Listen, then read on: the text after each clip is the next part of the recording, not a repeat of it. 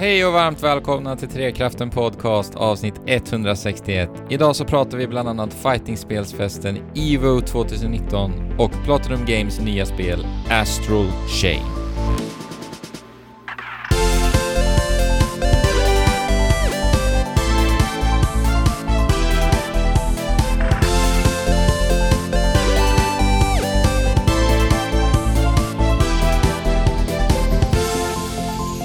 Då är vi äntligen tillbaka efter det långa sommaruppehållet och som vanligt så har jag med mig Andrew.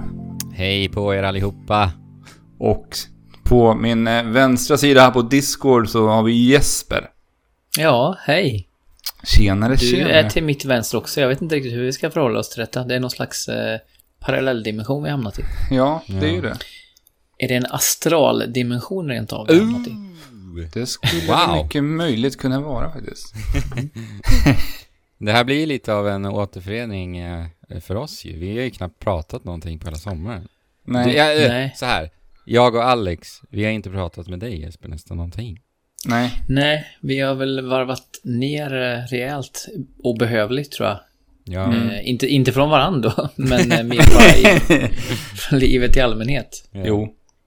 Eh, Precis. det har varit en intensiv vår för allihop och eh, ja, nej, det var väl eh, mindre kontakt än, än eh, vad man har velat, men också som sagt naturligt på något sätt att jag har ju liksom slutit min cirkel jättemycket i sommar och bara verkligen så här försökt eh, återhämta mig så mycket jag kunnat. Så att, eh, men det känns skönt att vara tillbaka och Ja. lite synd att vi faktiskt inte fick till någon träff i somras. Vi gjorde ju det förra sommaren och vi sprang Trosa stadslopp eh, tillsammans till, eh, bland annat. Och det var ju extremt mysigt och det fick vi inte till i år. Så att Nej. sikte på nästa sommar eh, och bättring på den fronten tycker jag. Mm. Ja, absolut. Jag, jag håller ju helt klart med. Det, där får vi alla bättre oss faktiskt, tycker jag.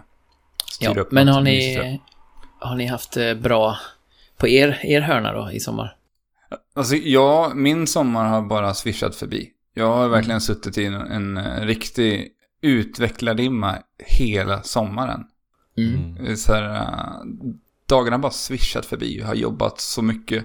Och det känns inte som att jag har gjort någonting, fast jag egentligen har gjort jättemycket. Och det, vet, det, det är alltid som det brukar bli på sommaren. Det händer saker hela tiden om helgerna. Så att när jag egentligen vill vara ledig så är det så här, ja, då måste jag åka på det här kalaset, jag måste åka hit, alltså på de här... eh, Och det händer saker hela tiden, så att jag, all, jag har knappt fått ha den där eh, välbehövliga vilan som du precis pratade om.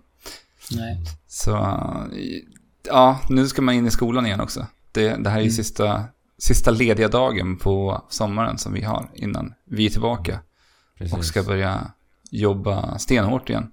För Ja, snart är det, det- nu är det inte långt kvar tills att jag och Andrew faktiskt ska ut på praktik heller. Så, Nej, exakt. Det är i, i vinter va? Ja. ja, exakt. Slutet på året. Så vi, vi kommer ligga i hela här hösten nu och börja ja. leta. Alltså det var, det var ju deadline för våra sommaruppgifter idag. Och vi spelar in nu då. Och sen imorgon så börjar vi igen på, på, nya, på ny kula. Nya uppgifter. så det har ändå varit hektiskt också för mig alltså. Ja.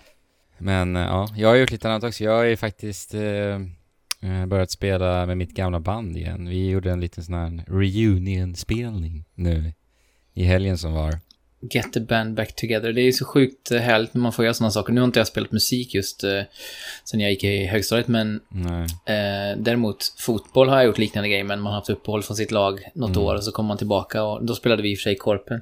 Ja, jag, jag vet inte om det är det är att jämföra, men... Men, men det vi- tror vi- jag. Det, det är ändå som Alltså- ens familj lite liksom. Ja, nej men jag menar alltså vi gick från att spela divisionsspel i åtta år till att sen ha uppehåll och sen så återförenas vi i lite enklare former och korp.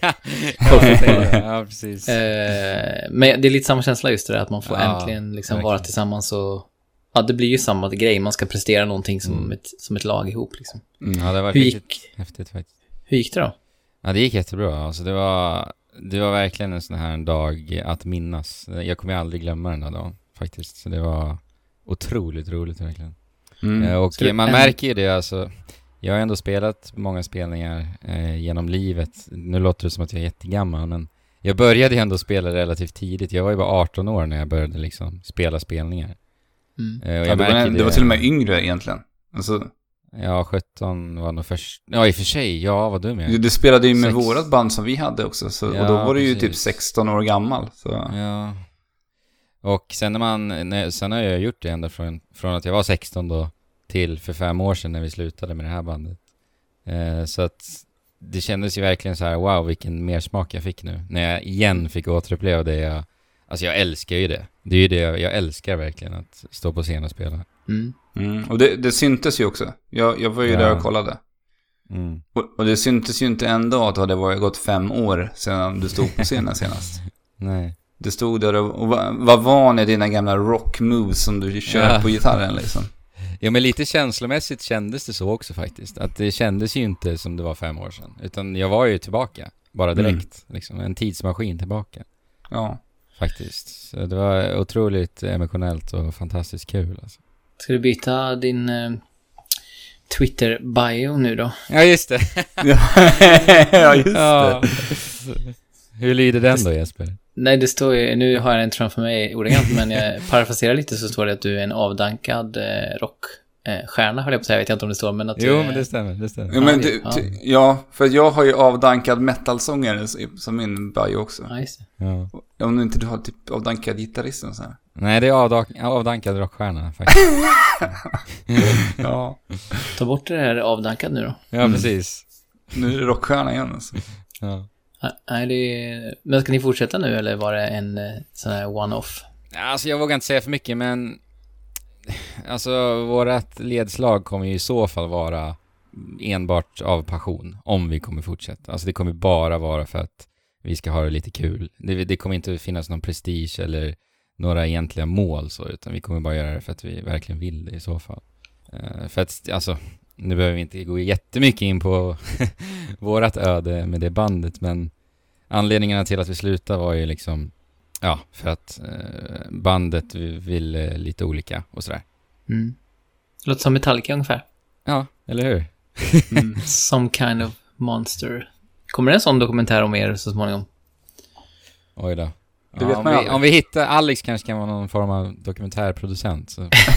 Alex filmade ju faktiskt eh, giget vi hade här. Så. Ja. Alltså, jag tänker mig något så här Tim Schafer-eskt, eh, där ni samtidigt som ni producerar spelet också gör dokumentärmaterial och där blir ju då just den här dramafyllda eh, bandturnén en del i, eh, som man får om man backar spelet på, på eh, vad heter det? På Kickstarter. Kickstarter. Mm. Mm. Kickstarter. Exakt. Ja. Ser fram emot. Mm. Ja, det gör vi verkligen. Andrew som eh, nedknarkad James Hetfield. ja, men... Ja. Nej, vi hoppas vi slipper den biten kanske just. ja, det får vi Ja. Men vad, det är ju superkul verkligen. Det, jag Mm. vet precis som sagt hur det känns, den typen av så här. Nu får man vara i den miljön man vill vara i och eh, också med de människorna som man vet Mm. att man... Alltså, i många sådana fall så är det ju inte att man slutar för att man nödvändigtvis vill, utan för Nej, att som sagt precis. omständigheterna gör att man blir Exakt. mer eller mindre tvungen. Så. Mm. Men det har ju hänt en annan väldigt rolig grej som både jag och Andrew i alla fall har kollat på i sommar. Mm. Det? Det är väl eh, tre, fyra veckor sedan som Evo 2019 hölls. Jajamän. Den årliga stora fightingspelsturneringen. Som är den då prestige, mest prestigefyllda du kan vinna inom fightingspel. Ja. Och då satt vi såklart bänkade. Det var ju första gången som eh, Smash Ultimate skulle spelas på den här turneringen Mm. bland annat. Och bara på, tal, bara på tal om det kan vi säga snabbt. Alltså antalet anmälda i Smash Ja. Ultimate, alltså det är ju hisnande. Det var ju rekordsiffror ju. Ja, det var, det. 3500 plus någonting va? Ja, det var helt galet mycket alltså. Ja. Och det var sån hype så att eh, mässlingen bröt ut spontant eh, på Ivo till och med. Jaså? Har ni hört det? Nej, Ja. det, var, det, det var i flera fall av mässlingen eh, och det är väldigt smittsamt också. Ja, Eh, så att, eh, ja, det var väl också ett tecken i tiden för att folk håller på och jiddrar med vaccin och vägrar vaccinera sina barn. Det är väl en av anledningarna. Ah. Så att eh, nu hade, det har varit, i tre år har det ansetts vara, så att säga, utrotat i Storbritannien. Mm. Men nu, i och med att det var representanter från Storbritannien på EVO Just som tog med sig det hem så är det nu tillbaka då i, i Storbritannien. Nej, men oj. Så det är alltså. bokstavligt talat viralt eh, EVO den här gången. Ja. Ja. Men i och med de stora deltagarsiffrorna på Smash Ultimate så petade de ju också ner huvudeventet som i alla år egentligen har varit Street Fighter. Just det, det var ändå lite så här turn of events. Ja, men verkligen. För Smash, de, eh, liksom. Street Fighter har ju verkligen tappat eh, deltagare. Det märks att, eh, alltså sen jag tittade för liksom två, tre år sedan på Street Fighter så ser ju liksom eh, topp top 12 ser ju helt annorlunda ut idag än vad det gjorde för ett par år sedan. Mm. Det är ju Ja, det är bara nya namn i stort sett som, Ja, verkligen. Det är väl typ vinnaren som jag kände igen, Bonchan. Annars liksom ja precis. ingenting typ. Det behövs ett eh, Street Fighter 6 eh, snart. Så, oj, så småningom på horisonten. Eh, tappar jag min Ja. telefon. Nej. Spräckte du skärmen i eh, podden nu? Den är faktiskt pre-spräckt redan, så det är lugnt. Okej. Oj. Förra sommaren. På tal om, eh, om eh, att Smash nu då tog över som main event. Så alltså Smash har ju också varit lite så här i, lite kontroversiellt i, i, på just EVO just för att många har ju pratat om så här men är Smash verkligen ett fightingspel? Ja. Och det är ändå så här lite kul att se att ja men nu får det vara det spelet som skiner mest av alla på Mm. EVO. Jag tycker ju, ur ett e-sportperspektiv så är ju det argumentet väldigt konstigt för Ja, det om, ju... om det spelas kompetitivt av en stor mängd människor eh, så är det ju relevant. Mm. Eh, och jag menar, vilken annan turnering skulle det vara aktuellt för om inte världens största Ja. fighting-turnering? Jag menar, det är tillräckligt mycket av ett fightingspel för att det skulle eh, platsa Mm. där utan problem. Så att det är väl lite så här elitism, känns det som att det ska vara liksom, Ja. det ska vara hardcore. Det är ju hardcore, men jag menar, Ja, men, det har ju en ton av att vara lite mer casual så att säga, om man bara Absolut. tittar på hur det ser ut. Absolut. men jag, jag tycker att det tillför mycket till den här stora blandningen inom fighting Ja. som det finns. För att tittar man liksom på de spelarna som spelar så är det ju liksom så här, det är 2D-fighter, där har vi Street Fighter, vi har eh, liksom Tekken 3D-fighter, sen har man eh, Mortal Kombat och Injustice som är liksom typ en blandning av 2D 3D-fighter. Och sen har vi alla dessa anime fighters där det är liksom så här, där vi har nu som är störst Dragon Ball fighters.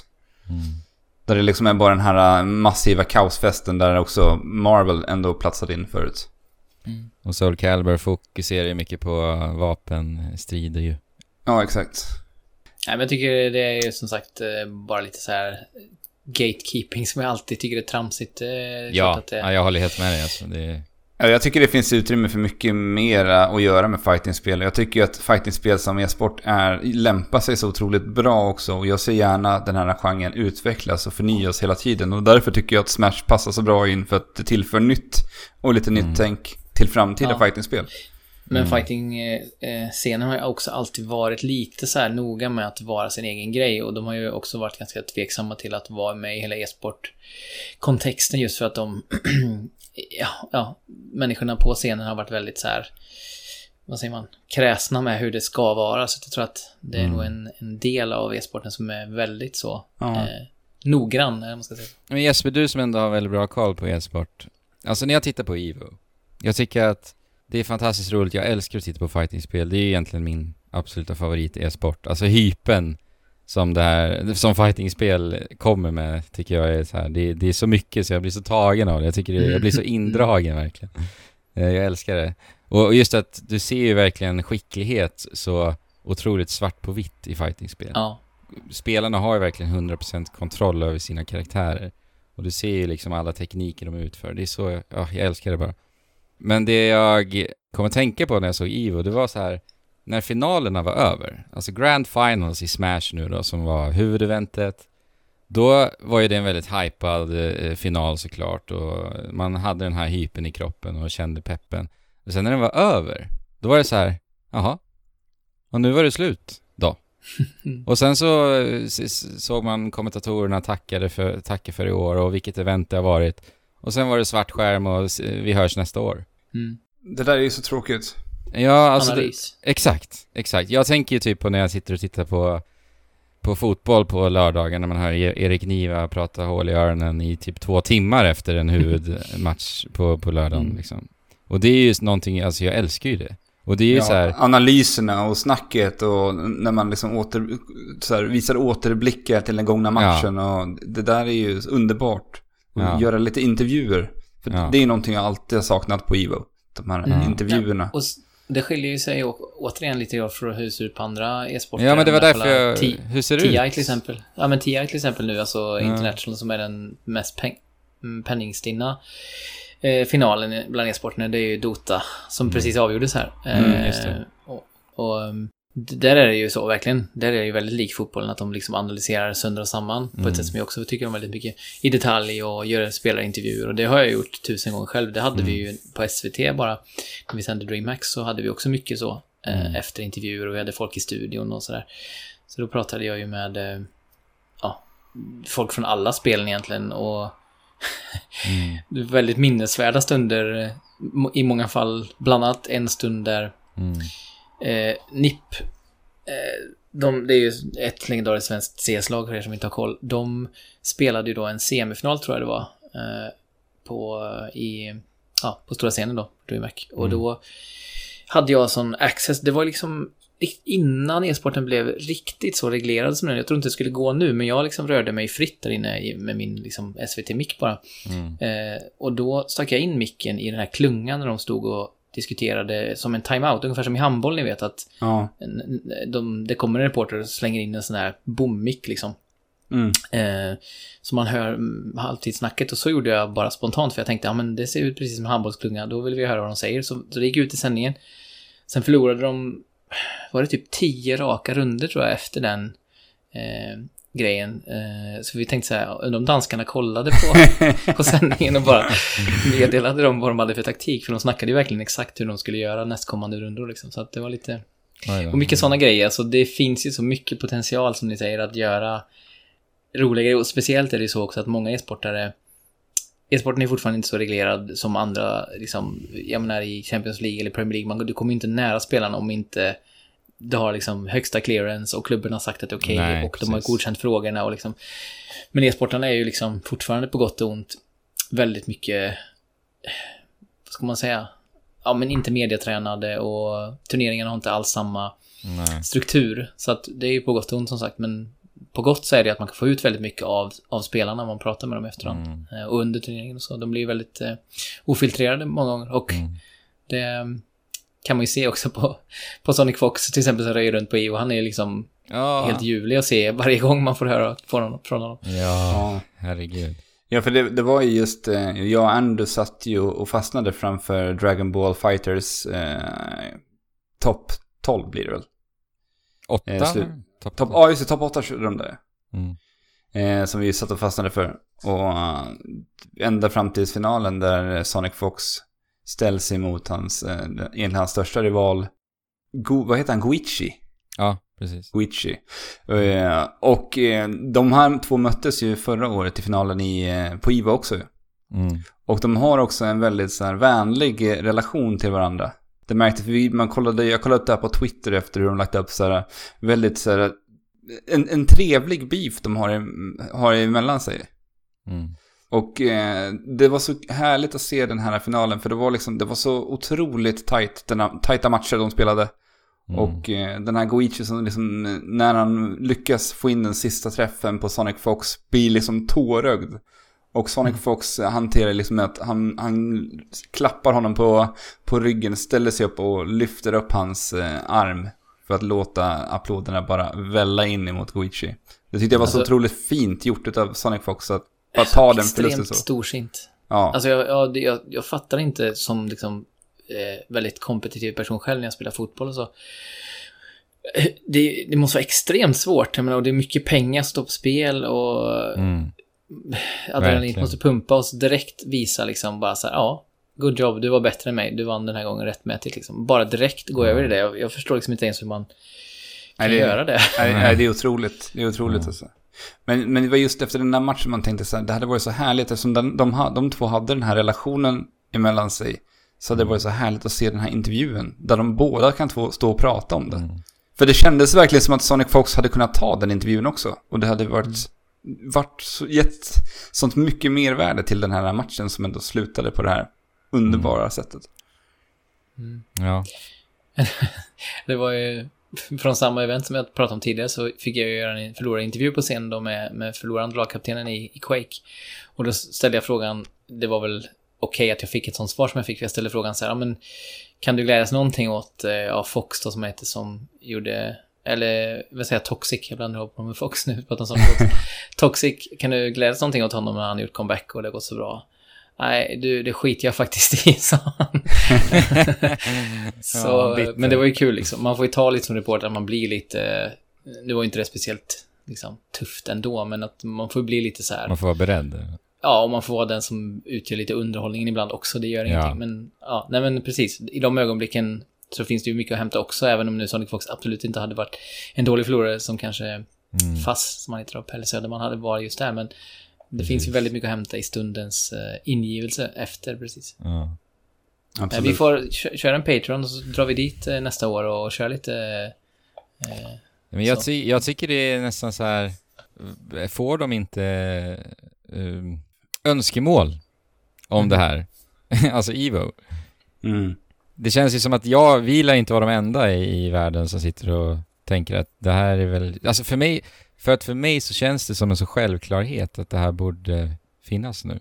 Ja. ja. men det är väl det som ni säger, att man vill liksom... Man är på sån hög, liksom, man är på sån high. Ja, Och sen bara stängs det av kranen liksom. Man Ja. vill komma ner i det här bomullstäcket och man vill liksom landa i det och bli Precis. lite inbäddad och njuta och rulla lite runt i det och sen Ja. till slut så bara klingar det ut för det blir så himla skarpt. eh, ja. Och sen exempelvis eh, trycka på att varför det här var en så stor vinst för den här spelaren och så här, höra lite historia om den här spelaren och eh, varför han kanske reagerar på det sättet som han gjorde när han vann. Alltså ni vet, det går ju att analysera på så många olika sätt. Och, Ja, för istället så blir det att man liksom hamnar på Twitter och försöker läsa om alla spelare och samla all information själv. Ja. För jag, jag blir sådär, jag blir så otroligt investerad när det kommer till sport. Alltså jag vill, så här, jag vill veta allting. Mm. Det är därför det oftast när jag, ska, när jag ska verkligen ska följa fotboll så är det så här, då måste jag gå in helhjärtat i det och kolla allting och följa alla på Twitter och lyssna på allt eftersnack. För att det, jag tycker att det ger så mycket mervärde till fotbollen ju mer man kan om alla spelare såklart. Mm. Och det där vill man ju ha, för man vill ju bli, man vill ju bli nerhypad, lugnt och sansat, som du precis sa där Jesper. Alltså man, Mm. man ligger ju liksom så här, i en final så blir det så här, hjärtat slår ju liksom. I en hektisk final, så man vill ju verkligen ha det där. Ja, så det, det tycker jag att Ivo behöver titta närmare på alltså. Ja, jag håller helt med. Mm. Men eh, vi pratade lite om Sonic Fox där, för vi får ändå, hans, hans Ivo slutade ju inte dåligt trots den här förlusten mot Goichi. Nej. Han, han eh, hamnade ju, han kom ju tvåa då i Dragon Ball Fighters. Och eh, vann eh, Mortal Kombat 11 överlägset egentligen. Mm. Och så var han även med och spelade Soul Calibur, vad är det nu, 7? Eller 6? Sex, sex tror jag. Det var du som spelade det. Ja, ja. det, är- det är sexan. Eh, och han slutade då på 33 plats i Soul Calibur 6. Så Ja. Mm. riktigt, riktigt bra placeringar för att spela tre helt olika fightingspel. För de, de skiljer sig ju vitt skilt, alla de här fightingspelen. Det är som att simma tre olika typer av eh, distanser i liksom Ja. OS. Ja. Typ. Det är, det är helt otroligt. Det är ju nästan mer imponerande att kunna tre olika fightingspel än att om det skulle vara så att han råkade vara duktig på typ CS också och Dragon Ball. Ja. För att, för att fightingspel är ju så pass lika varandra och det handlar ju så mycket om muskelminne. Och, och, och att liksom... Mardröm går mellan alla Ja. spel hela tiden. Och att du behöver vänta en extra millisekund för det här kombot i det här spelet. Det är alltså, åh, det är så imponerande alltså. ja, det är sjukt. Helt galet. Och, och nu har han väl börjat spela Street Fighter 5 också för att det utannonseras en eh, ny karaktär som heter Poison. Mm, han blev ju tvärförälskad i henne. Ja, Men är det en transkaraktär eller har jag hittat på det? nej det stämmer. Ja. För jag tänker att det kanske klingar också med eh, hans, liksom, han är ju queer, han är ju gay själv och furry och liksom hela den communityn, om man ska kalla det så. Mm. Eh, så jag kan tänka mig att det lockar med en karaktär som, som Ja. verkligen talar Ja, till verkligen. honom också. Vet du varför det vart så att Poison vart en eh, transa? Jag har hört detta, men jag kan inte Hon, hon kom ju ifrån Final Fight från början. Mm. Och i Final Fight så gick man då och eh, dunkade på Poison. Och det vart ju lite rabalder kring det här. Men då svarade Capcom med att säga att det är inte en kvinna, det är en man egentligen. Otroligt fånigt. ja. Men, men eh, man får väl ta det onda med det goda då, att det i alla fall finns trans, transrepresentation på scenen då. Eh, Ja. Även om starten var lite, ja, typiskt japanskt också kanske. ja, det är ju verkligen det. Ja. ja, men Poison, det blir ju... det blir- Och mer, mer, ju mer Sonic Fox, desto bättre i mina ögon. Ja, definitivt. Ja, Alltså ja, det, är håller det, med. för mig är det omöjligt att inte tvärälska Sonic Fox. Det räcker Ja. med att typ titta på honom, för han är, så- Ja. han är så god Ja. alltså. Sprutlande. Ja. Um, Smash-finalen pratar vi lite om, om också där. Eh, MK Leo är ju idag Smash Ultimates eh, eh, bästa spelare. Världens bästa Smash Ultimate-spelare. Han, Mm. han dom- dominerar ju eh, nästan så att man blir irriterad. Alltså han vinner ju nästan allt just nu. Men han förlorade faktiskt i helgen en stor turnering. Eh, Det var ju lite befriande, får man Jag, väl jag, säga. tycker, jag tycker det blir lite fånigt när man döper, man döper sitt liksom, nick till ett, efter ett spel i och med att han heter MK Leo. Det är, och så är, är det Smash han är just nu i alla fall som bäst. Ja. Eh, Men eh, vad spelar han i Smash? Karaktär eller? Mm, Han spelar Joker faktiskt. Okej. Mm. Den sas, eller han sas väl vara ganska, ja inte superstark förutom eh, när man har full Persona. power, eller vad man säger. Ja, Ja men det är det som är grejen med MK Leo, för att han är helt, alltså han är så här, man blir irriterad på honom för att han är så duktig, för att han är så duktig oavsett vilken form han spelar Mm. Joker i. Uh, alltså MK Leo är ju bäst i Smash, alltså det, när man tittar på honom spela, det är så här, han har upptäckt någonting med det här spelet som ingen annan har gjort. För att han är så överlägsen. Men ja, han Det- det förlorade på- igår, men alltså allt som allt så är han en bättre spelare än alla just nu. Det påminner ju sjukt mycket om Zero i Smash 4, under Smash 4-tiden. Ja, faktiskt. Hur så, hans dominans som inte gick att bräcka. Han Mm. var överlägsen alltid liksom. Men den är ju helt hisnande. Har du hört om det Jesper eller? Nej, jag tror inte. Eller kanske någonstans i bakhuvudet. Zero var ju Smash 4s absolut bästa spelare. Han Ja, vann, precis, han vann alltså streams. 52 eller 53 superturneringar i rad utan att förlora. Jösses. Ja, det är helt galet. det kommer ju inte hända någonsin igen att en spelare gör det. det är ju verkligen Nej. helt sinnessjukt. Undrar, funderar på hur mycket prispengar det blir sammanlagt. Det måste ju blivit en del pengar i alla fall. Ja, faktiskt. Även om Ja. inte Smash kanske är den största Nej. e-sporten rent pengamässigt. Men, Men men, ändå, om man vinner så många turneringar och Ja, det finns en exakt. del prispengar. Och på Mm. Ivo är det väl en, en hel del så. Ja, precis. I alla fall om man vinner. Jag har hört att det, det degraderas väldigt fort om du inte är topp tre eller vad det är. Mm. Det är väl det de vill visa upp, alltid klassiskt, att de t- liksom trycker ihop prissumman i toppen för att det ska, ska se maffigt ut. Ja, Man ska kunna göra, göra PR kring det. Mm. Men från zero till hero kanske då, i Smash. ja. Jo men på tal om Smash har ju Hero släppts nu till Smash också. Mm. Dragon Quest-karaktären ju. Ja, med mycket slumpmässighet i sina attacker. Och det brukar ju aldrig vara en bra grej just för att vara en, bli en top tier-karaktär i ett fightingspel om man säger. Nej. Ja, det har varit så mycket kontroverser kring den här karaktären just på grund av det. För att kompetitivt spelande plus så här mycket slumpfaktor som den här karaktären faktiskt har, det klingar ju inte jättebra. Alltså det märks ju att Hero är verkligen en karaktär som är väldigt designad för eh, den, ja, alltså casual-spelaren. Det, Ja, det pa- partydelen liksom. Ja, det ska vara en party, det är partykaraktär. På det sättet så är faktiskt Hero väldigt bra och roligt designad tycker jag. Mm. För att eh, man har ju alltså en eh, magimätare med Hero. Och sen om du trycker neråt B, alltså neråt specialattack, så dyker det upp en eh, command list med fyra olika eh, attacker. Eh, fyra olika magiattacker. Och då dräneras då en viss mängd magi när du använder, vilken, vilken magi det nu är du använder. Och den här listan då som dyker upp, de här fyra olika attackerna, de slumpas varje gång du trycker ner B. Så du vet aldrig vilka attacker som kommer dyka upp. Sen får du välja mellan de fyra i alla fall. okej. Eller, Ja, exakt. slumpar inte attacken som det väljs. Nej, du väljer. Vadå, precis. så för varje gång du liksom rör, flyttar den här markören neråt? Nej, utan för varje gång du trycker neråt B. Så att när ja, du trycker neråt B, då dyker markörerna upp och då får du välja en av de här fyra. Eh, Men du kan cancella ut ur attacken och göra om det om du inte är nöjd Ja, med ja. dina... exakt, exakt. det känns lite jobbigt men... Ja. ja, det är ju lite fördröjning där på animationerna så att man lämnas ju lite Mm. öppen om man gör det för mycket. Så.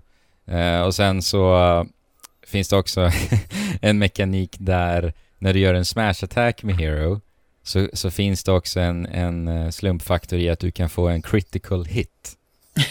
och, och när du får en critical smash attack hit då så kan du döda på typ så här 40%. och det är ju totalt slumpmässigt. Bara, Oj, jag råkade få in en smash critical hit nu. Och där, vips så flög du ut till skärmen och dog. Eh, så det är väldigt eh, inte lämpat för kompetitivt spelande. Så att det har ju varit jättemycket kontroverser kring, ska Hero bannas eller inte? Och det finns ett camp som säger wait and see. Och det finns ett camp som säger det här är för mycket, banna direkt. Och sen så, sen så har det ju såklart argumenterats fram och tillbaka varför och ah. Så det har varit en riktig rabalder kring det här alltså. Men det är också ett tydligt tecken på att Nintendo inte själv Ja, bryr sig om Smash som, som e-sport, vilket Ja. är sjukt märkligt eh, att det varit så i alla år Ja. och ännu mer nu med tanke på att det här är det största Smash någonsin och Ja. extremt väl mottagande och plockas upp som största spel på. Ja, Och bara så nej, vi, vi bryr oss inte om balansen eller någonting, utan vi bara, nej. vi kör bara. Men det är ju lite som den här uh, Smash Ball-turneringen som Nintendo själva satte upp. Jag vet inte ens om vi har Ja. pratat om det i podden. För det är också Nej, ett nej. jättemärkligt sätt att spela Smash på. Där de liksom spelar en mot en fast de använder den här Smash-bollen. Mm. Smashbollen är ju då en, en ultimat attack du kan göra. Om du lyckas drämma Mm. till den här. Men Tror du inte att det är för att de vill visa upp det spektakulära liksom, specialattacken i spelet och hur, hur, hur häftigt det är? Liksom? Att det, det är mycket mer spektakulärt när man får se de här ja, men det är ju det. Det är ju det. attackerna. Ja, det är väl det. ja. De bryr sig ju- inte som sagt. Nej, men det tar ju bort... Eh, anseendet från, eh, från liksom scenen försvinner ju helt som... Mm. Ja, väldigt mycket. Men, och speciellt med tanke på hur obalanserade de här ultimatattackerna är. Alltså, vissa Ja. har man ju inte ens en möjlighet att skydda sig ifrån. Nej. Nej. Det är lite som, eh, om ni kommer ihåg gamla Nintendo World Cup, eh, fotbollsspelet till NES. Ja, Mm. Där det också var så att man kunde göra en Ultimate Kick. Och då hade vissa lag, bland annat Tyskland kommer jag ihåg. Nej, jag vet inte, det var Argentina och Mexiko tror jag, hade en boll som så här målsökte sig in mot mål. Mm. Och dödade målvakten så att den kunde inte rädda ut Va? och gick alltid in i mål. Nej men alltså i det spelet så kunde man ju tackla sönder spelare. ja. Så att de blev liggande resten av halvleken. Eh, och då stod det så här korvögon ut, klassiska ögon som så här, stod ut som korvar. Och om man då sköt ett specialskott så blev målvakten alltid i princip liksom mosad av bollen. Så att det, det gick inte att stoppa den på något sätt. Och andra lag hade saker som så här, bollen gick som ett eh, W upp och ner liksom. Mm. Eh, ungefär, som ett V upp och ner. Och den kunde ju antingen gå över eller in i mål, så den var inte alls lika bra och det fanns andra skott. Så det var ju, ja, precis på, det påminner mig om, om obalansen där. Ja. ja. ja, men obalans finns det i Hero i Smash. Men jag tycker ändå, han är kul om du ska spela och bara så här, trolla lite. Då är han ganska rolig faktiskt. Mm. Men en, en annan eh, ny debutant på Evo var ju Samurai Showdown. Ja, just det. Mm, Och det, det har ju jag och Andrew spelat en del. Här under Mm. sommaren, några matcher. just det. Li, lite inför Evo, för vi ville känna lite på det innan vi kollade på de här. Ja. Och det heter showdown, eller hur? Inte showdown. Ja, precis. Ja, show, Showdown. Showdown. Det ja. är lite frustrerande. Jag tror alltid att det är ett eh, typo när man ser det, men, det, Ja, men jag vet inte om det är någon ordlek med shogun eller jo precis. Det, är- ska det är därför. Det är ju det är samurai-fighting från SNK. Det är ju en gammal klassiker som SNK gjorde på 90-talet under deras storhetsdagar. När de mm. matade ut King of Fighters och allting. Oh, och det pratade vi SNK, om min Jesper. Ja, det är min favorit eh, fighting-utvecklare verkligen. Är du taggad Ja, det- på King of Fighters 15 var det nu va? Jag var vet det inte, inte om man... det, var det inte Jo, det de- som utannonserades? Jo, eller? de utannonserade på, på Evo. Ja. Jag har inte sett faktiskt. Mm. Eh, Jag, ska kika in det. Ja. Men eh, jag är automatiskt pepp på alla King of Fighters-spel. Eh, Mm. mycket arkadspelande när jag var yngre. På... har du spelat någon Samurai Showdown innan? Ja, lite på arkad just. Mm. Eh, så fort det stod SNK på arkaden så testade jag. eh, Och det är väldigt tungt. Originalet är ju så här... Det är ju 2D liksom. Och det här rappa. Men det är fortfarande, det finns en väldigt tyngd i attackerna. Och det är ju en rätt stor skillnad mot många andra spel eh, på den tiden som var lite mer flängiga. Och jag har fattat att det är så nästan i ännu högre grad nu va? Att Ja. det är väldigt så här deliberate eller vad man ska säga. Ja, alltså det, det är exakt så vad du säger. Alltså det, det är jättetunga slag, det är inte alls lika mycket fokus på komboattackerna som man gör i Street Fighter. Vi ska hoppa fram och vi ska göra cross-ups och långa kombos. Utan det handlar mer om att så här, mycket mera byggt kring futsis-tänket. Alltså att man ska hålla Mm, avståndet till finta. vilk... Ja, exakt. Avståndet till spelaren och så här, räkna på när du kan slänga in vissa slag. Alltså, och, och de här hårda attackslagen är också förödande Mm. i Samurai Showdown. Det gäller att inte göra första draget eh, om man gör fel, för då är man ju öppen för Ja, Mm. exakt. Men det som jag tycker är så häftigt med Samurai Shodown också är att de har ju ett välutvecklat countersystem.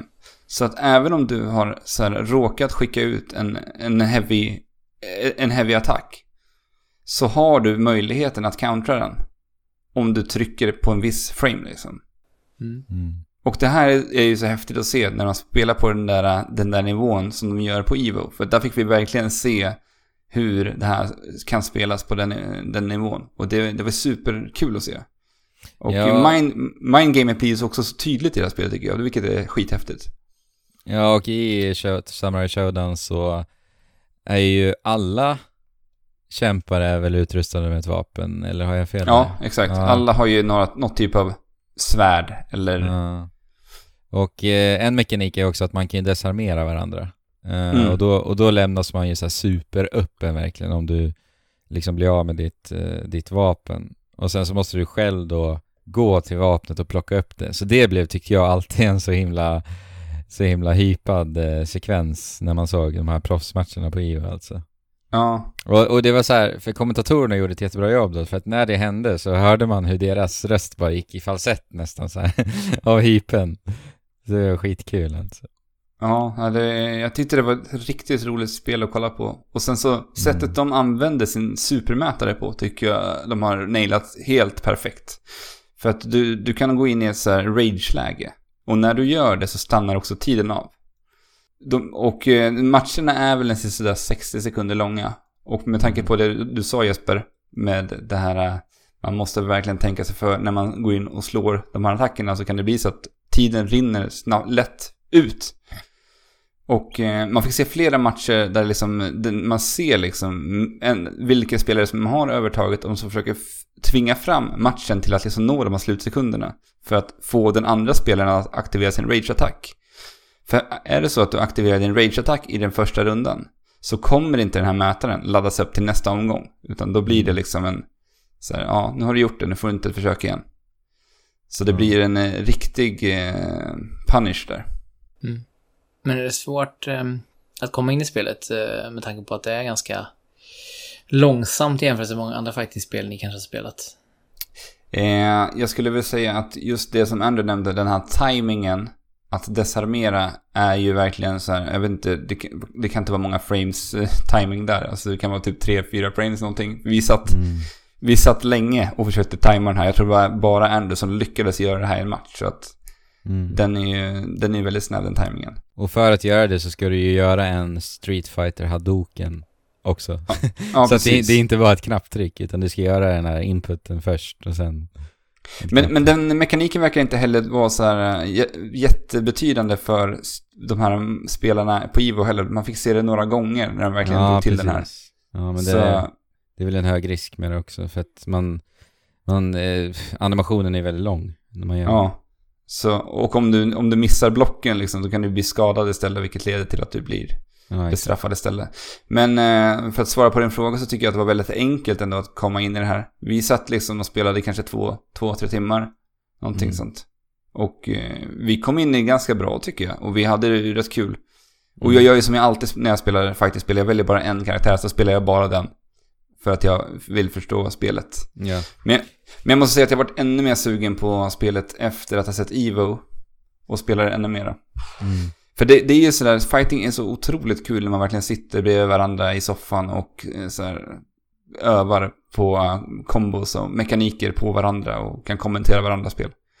Mm. Ja men för mig är det nästan ett måste för att jag ska kunna njuta av fighting. Ja, Ja, för mig funkar det inte riktigt att bara... det här har ju kommit nu till, vad är det, PS4 och Xbox One än så länge. Ja, och det kommer till Och- PC också. Ja, det ska komma till Switch också vet jag. Så, Är det sant? Jaha, Ja. okej. Men eh, jag är ju så här, jag vill ju spela fighting med min arkadsticka. Så att jag hoppas, jag väntar ju verkligen på PC-releasen. Sen ska jag dyka in i eh, Samurai Showdown senare. Mm. Men, men eh, Evo Samurai Showdown fick vi ju se de här Street Fighter-spelarna som inte längre spelar Street Fighter joina och vara med i turneringen. Mm. Mm. Både Infiltration som var eh, så här, dominant, inom, Ja. inom Street Fighter 5. Mm. Han spelade min gamla karaktär Nash i Street Fighter 5. Ja. Mm. Ja, Han gick ju och vann hela kalaset. Ja, Men det- det som- faktiskt. Vad sa du? Han var ju rätt överlägsen, måste man ju Ja. säga ändå. Ja, det var han verkligen. Mm. Men den stora överraskningen var ju att eh, det finns en, en, en eh, som heter Vaje. Vad är det han heter nu? Alex Vaje heter han. Mm. Mr Street Okej. Fighter. Mr Street Fighter. Och han har alltså spelat Street Fighter professionellt sedan liksom Street Fighter 2. Mm. Och han är över 40 år gammal och är fortfarande liksom en spelare att räkna med. Och det är så otroligt roligt att se att det liksom finns spelare i den åldern som fortfarande kan leverera på den här nivån. Ja, eftersom det handla- handlar ju ganska mycket ändå om eh, reflexer och liksom Ja, Mm. reaktioner. Ja, men man har ju hört många Street Fighter-spelare som har sagt att, eh, att Street Fighter-spelare är som, som ett vin, att det blir bättre med tiden. Det är många som säger det. Mm. typ Daigo tror jag är en av dem som har sagt det också. Så. Det var, honom har jag pratat med en svettig kort kvickstund. Ja, du har det? I, ja, jag intervjuade Aha. honom för eh, rematch. Eh, Ah. Hoppade på honom efter en turnering och haffade honom och pratade med honom i några minuter. Ja, Han var väldigt eh, snygg ja. Ja. eh, och väldigt eh, japanskt eh, artig och korrekt. ja, hans utseende är ju som ett eh, årsvin också. Ja, han ser ut som en eh, J-pop-stjärna eller så. Ja. Han börjar väl bli närmare 40 nu också?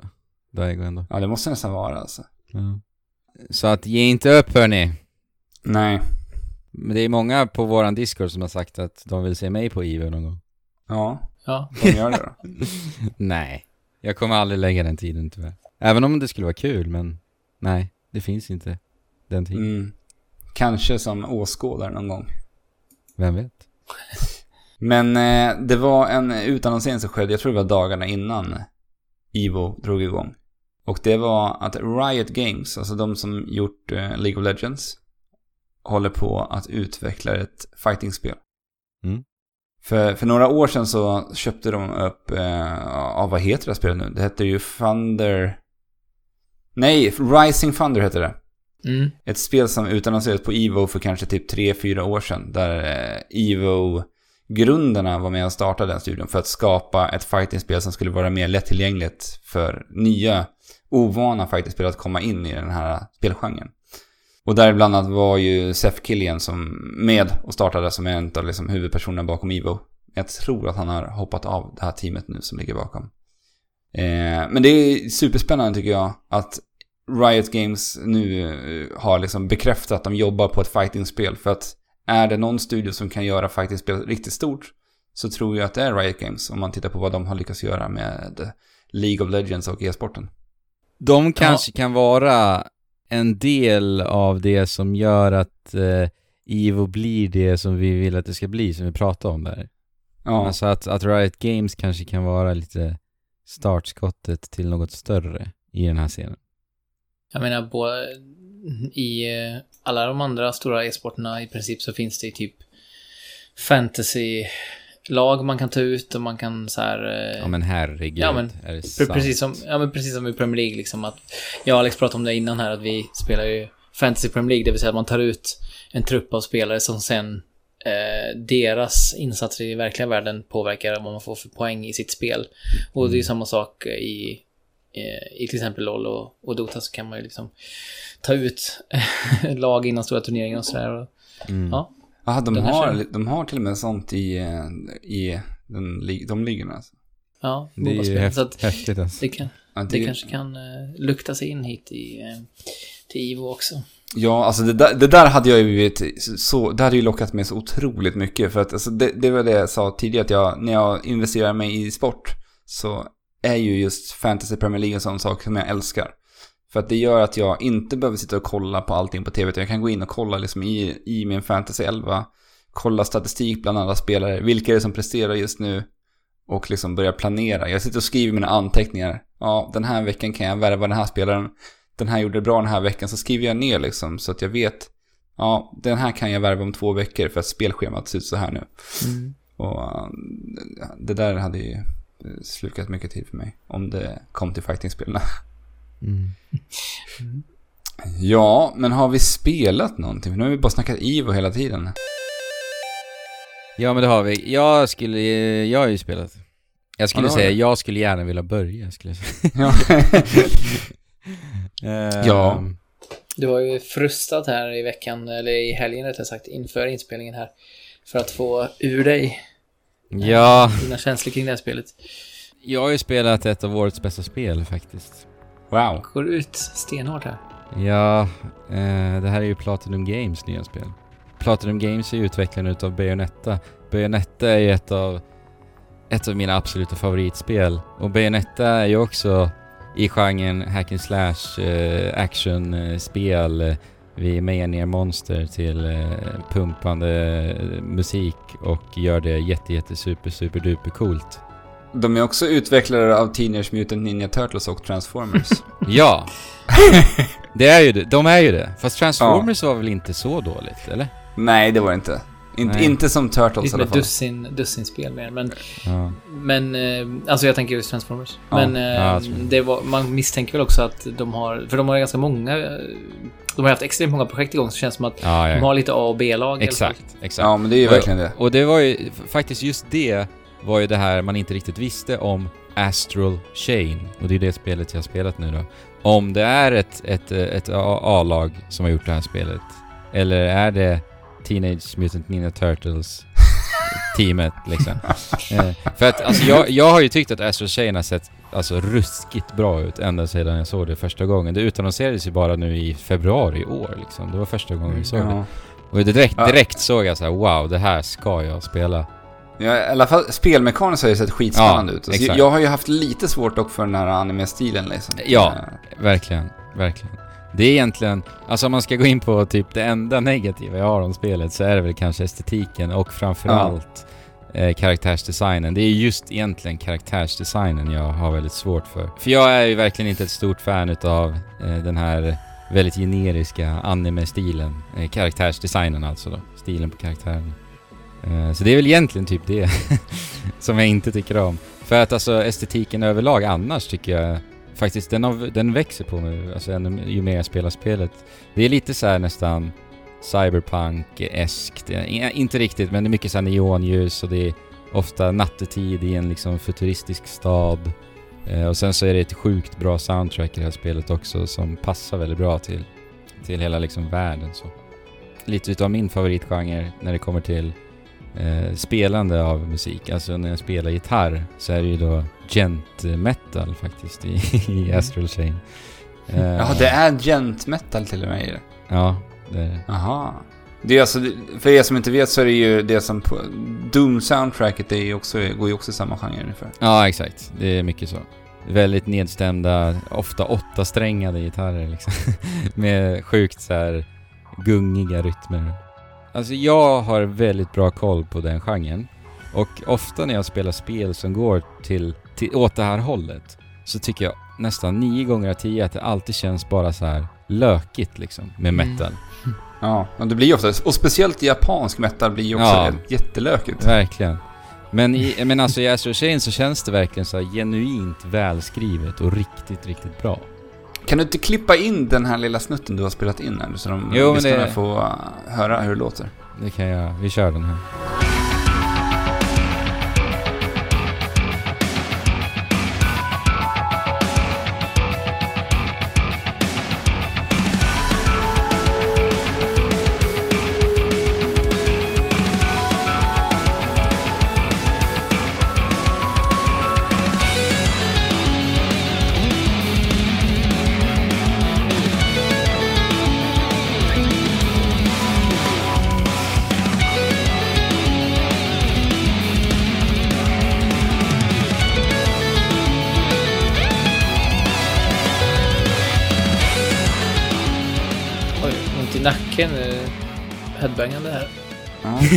Kände jag. Snyggt Jesper! Jag trodde aldrig, Ja. aldrig jag skulle få, få se dig headbanga. Alltså. Nej, jag gjorde ju det igår när vi åkte i bilen på vägen hem med Greta då. Ja. Och då lyssnade vi på... eh, Åh, vad var det för någon? Det kan ha varit Why Can't We Be Friends kanske med Smash Mouth. Snyggt. Så du har lite träningsvärk i nacken du också då? Ja, lite. Ja. Jag sitter ju med det också efter spelningen här. Ja. Eh, nej men soundtracket är jättebra verkligen i Astro Chain och det är också så här blandat med lite dans, elektro i de här lite mer lågmälda tillfällena som bara ligger och myser sådär. Funkar den Eh, kontrasten då tycker du? Ja men jag tycker det. Och den går väldigt bra ihop med den här liksom futuristiska neon-temat i världsbyggandet så jag tycker det funkar väldigt bra. Det känns enhetligt liksom. Kul. Ehm, ja, riktigt bra alltså. Och sen bara ljuddesignmässigt så är det så sjukt snyggt, ni vet. eh, det är en väldigt så klassisk sak som många av den här typen av spel nästan alltid, eller länge har gjort, att det, det är ett stycke som spelas på banan när det är liksom lite mer lågmält och sen när du hoppar in i striden så är det samma stycke men att det är då en mer liksom metal-esk version av det. Mm. Och det som är så fint att se i Astro Chain är att liksom båda versionerna känns riktigt, riktigt välskrivna. Även när det inte är liksom, som jag sa då, så här metal gent delen utan när det blir lite mer lounge, eh, dance, eh, lite elektro, då är det också riktigt, riktigt bra. Och just den där transaktionen mellan också när du går in i striden, det är så välgjort verkligen. Det känns så här som att, ja hela soundtracket, ljuddesignen är riktigt så här eh, gjord med kärlek alltså. Och jag har ju läst lite intervjuer om eh, från kompositören och bara så här läsa hans ord, han, det, det är så genomtänkt alltihopa och det ly- lyser igenom faktiskt. Och just den där eh, detaljen är ju faktiskt kanske nästan den speldetaljen som gör mest för mig. Mm. Eh, liksom, ja men eh, i spel överlag. Om övergångarna i musiken från ett läge till ett annat är tillräckligt Mm. snitsig så kan jag spela ett spel nästan bara för det. Mm. Alltså, jag älskar verkligen eh, det här som du sa, att de jobbar med olika versioner av ett tema Ja. eh, i olika miljöer. Det är verkligen så här. Ja, det är nog det bästa jag vet nästan med spel överlag. Och det, det har jag sagt förut, men till exempel i eh, Mario 3D World. Bara hur det låter, liksom man rör sig under vatten eller över, upp, upp, um, ovanför vattenytan igen. ja eller exakt. exakt. Ja, Mm. Cadence of Hyrule som jag kanske pratar lite mer om sen har jag fått chansen att spela. Nu, det, och det är extremt bra på det. Alltså där är det verkligen så här. Mm. Menymusiken flyter in sömlöst i eh, det vanliga temat, men med en helt annan liksom, Ja, det är så snyggt. I- ton och en Ja. helt annan... De skalar bort liksom när man går in i meny. Det, ja, det är verkligen... Mm. Det får mig mer peppad än nästan någonting annat på ett spel. Vilket kanske är lite konstigt, men... Men det, det är ju det är sådana detaljer som tillför så jäkla mycket till känslan. Det är ju verkligen... Och sen säger det väl ganska mycket om hur mycket detaljrikedom som utvecklaren lagt ner överlag på ett spel om... Ja, exakt. Om, Om, de, eh, man den upptäcker nivån finns. Ja, precis. Eh, För bara det i, i Astro Chain och det i strid också, jag kommer komma in på det här men du byter ju, skiftar ju mellan så kallade legions som är dina så här robotkompanjoner du har. Och när du går in i den menyn att du ska skifta legion då, så, så blir det ju den här Mario under vatten-effekten nästan att allting ljud bara dämpas och eh, går nästan i, i lite utav i, ah, du får en annan atmosfär på det hela helt enkelt. Mm. Eh, och där, det är också så skönt för att när du eh, går in i den menyn så får du också en liten, liten an, andningspaus och kanske kan observera lite vad som händer. Och sen så, så här, mu- musiken talar för det också så att säga. Och sen när du har valt ve- vem du ska liksom eh, kalla ut då, då är det bara in på det igen och då så fadas musiken tillbaka så är du inne. Och det är så, så jäkla effektfullt verkligen. Ja, Det där gör ju så otroligt mycket för eh, feedbacken. Ja, så det där verkligen. eh, föränderliga ljudbilden. När man Ja. trycker på knappar liksom. Allt känns ju bara så mycket bättre. Mm. Det påminner om SSX också som är ett Ja, uttypen av det precis. för mig. när man flyger i luften och musiken Ja. eh, blir dov och så landar man och det bara... Ja, men det är väl ett av de så här tidigaste exempla- så här exemplen på spel som gör det på det sättet. Som jag kan Mm. komma på i alla fall. För det, Ja, var, det- ju- det var ju det- så otroligt unikt på det sättet. Ja, det blir en sån explosion i hjärnan verkligen av eh, välbehag när man får den där... Mm. Eh, ja, men det är som i en... I en, eh, en bra...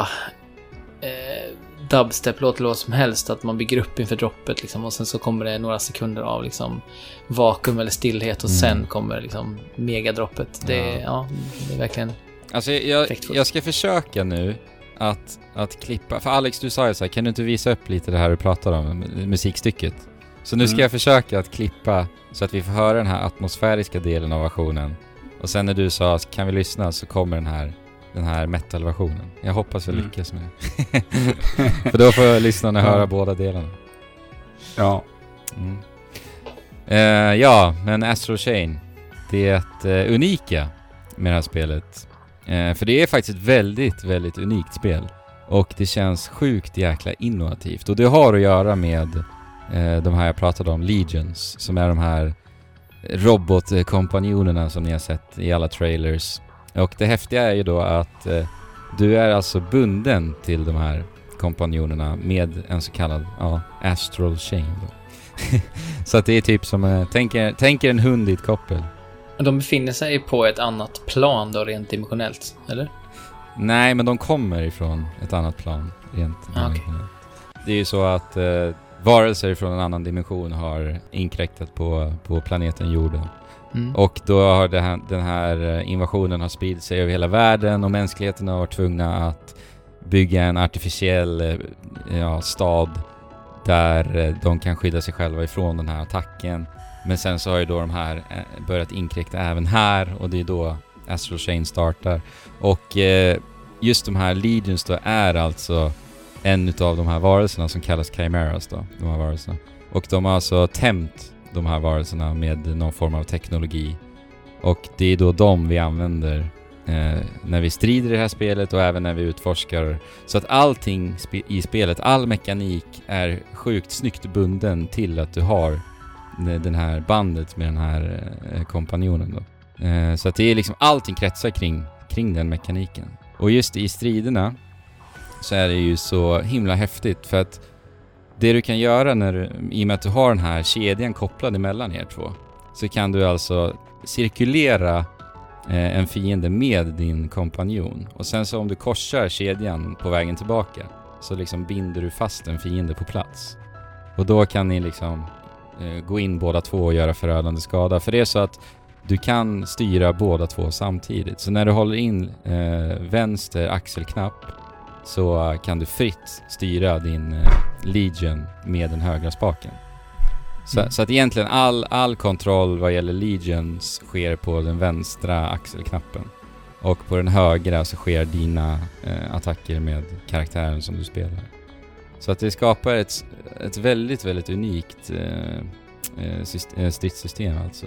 Och sen kan det även så här eh, skapas som en så här snubbeltråd med, eh, med den här kedjan. Så att om du skickar iväg din Legion bort ifrån dig och sen så är det en fiende som ruschar in i kedjan. Så kan ni så här Mm. swisha tillbaka fienden så att den snubblar liksom. Och sen gå in. Som en wrestling... Eh, Ja men exakt. rep, typ. Ja precis. Men, men eh, det, det påminner på ytan påminner lite grann om eh, eh, Devil May Cry 5 och eh, vad heter han?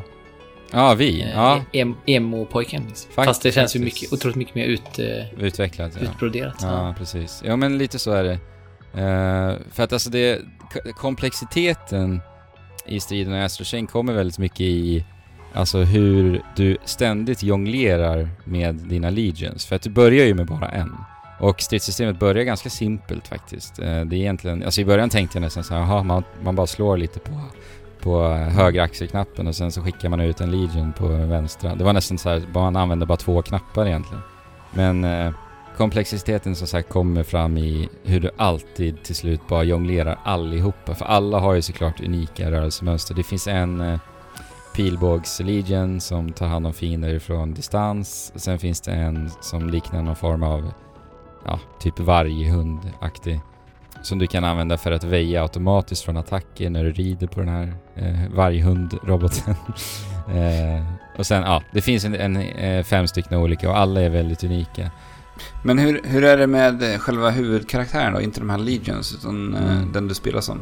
Ja. Har, har den karaktären några nya förmågor som du låser upp längs spelets gång? Eller ligger Nej. liksom variationen i att du låser upp alla dessa nya Legions? Ja, den har lite. Du har till att börja med tre olika vapen med huvudkaraktären. Du har Mm. en, en pistol, en, en, eh, vad heter det, baton? Heter, vad heter det? Ja, baton. Het, baton, ja. Som Eh. poliserna... Ja men precis, man är ju alltså. en, man är en polisstyrka. En eh, Mm. su- superpolisstyrka. Eh, och sen så har du typ ett futuristiskt, eh, typ las, stort lasersvärd. eh, och sen, För det kommer poliserna ha i framtiden. ja exakt. Som vanligt här i framtiden, jättestort Ja. svärd. ja. Men eh, det, det du kan göra med huvudkaraktären är att om du eh, bara pepprar på höger axelknapp, vilket är knappen du använder för att använda ditt vapen, eh, så till slut, om du lyckas hålla igång det kombot utan att bli träffad, så kommer du komma åt en synkattack. Och det är en väldigt central del av stridsmekaniken. Det är de här synkattackerna och då blinkar det till blått på skärmen. Och då ska du tajma eh, ett knapptryck med din Legion, vilket är den vänstra axelknappen då. Eh, och tam- tajmar du rätt och kl- klarar av att trycka i rätt timing så eh, kommer din Legion och du tillsammans göra en riktigt förödande attack då.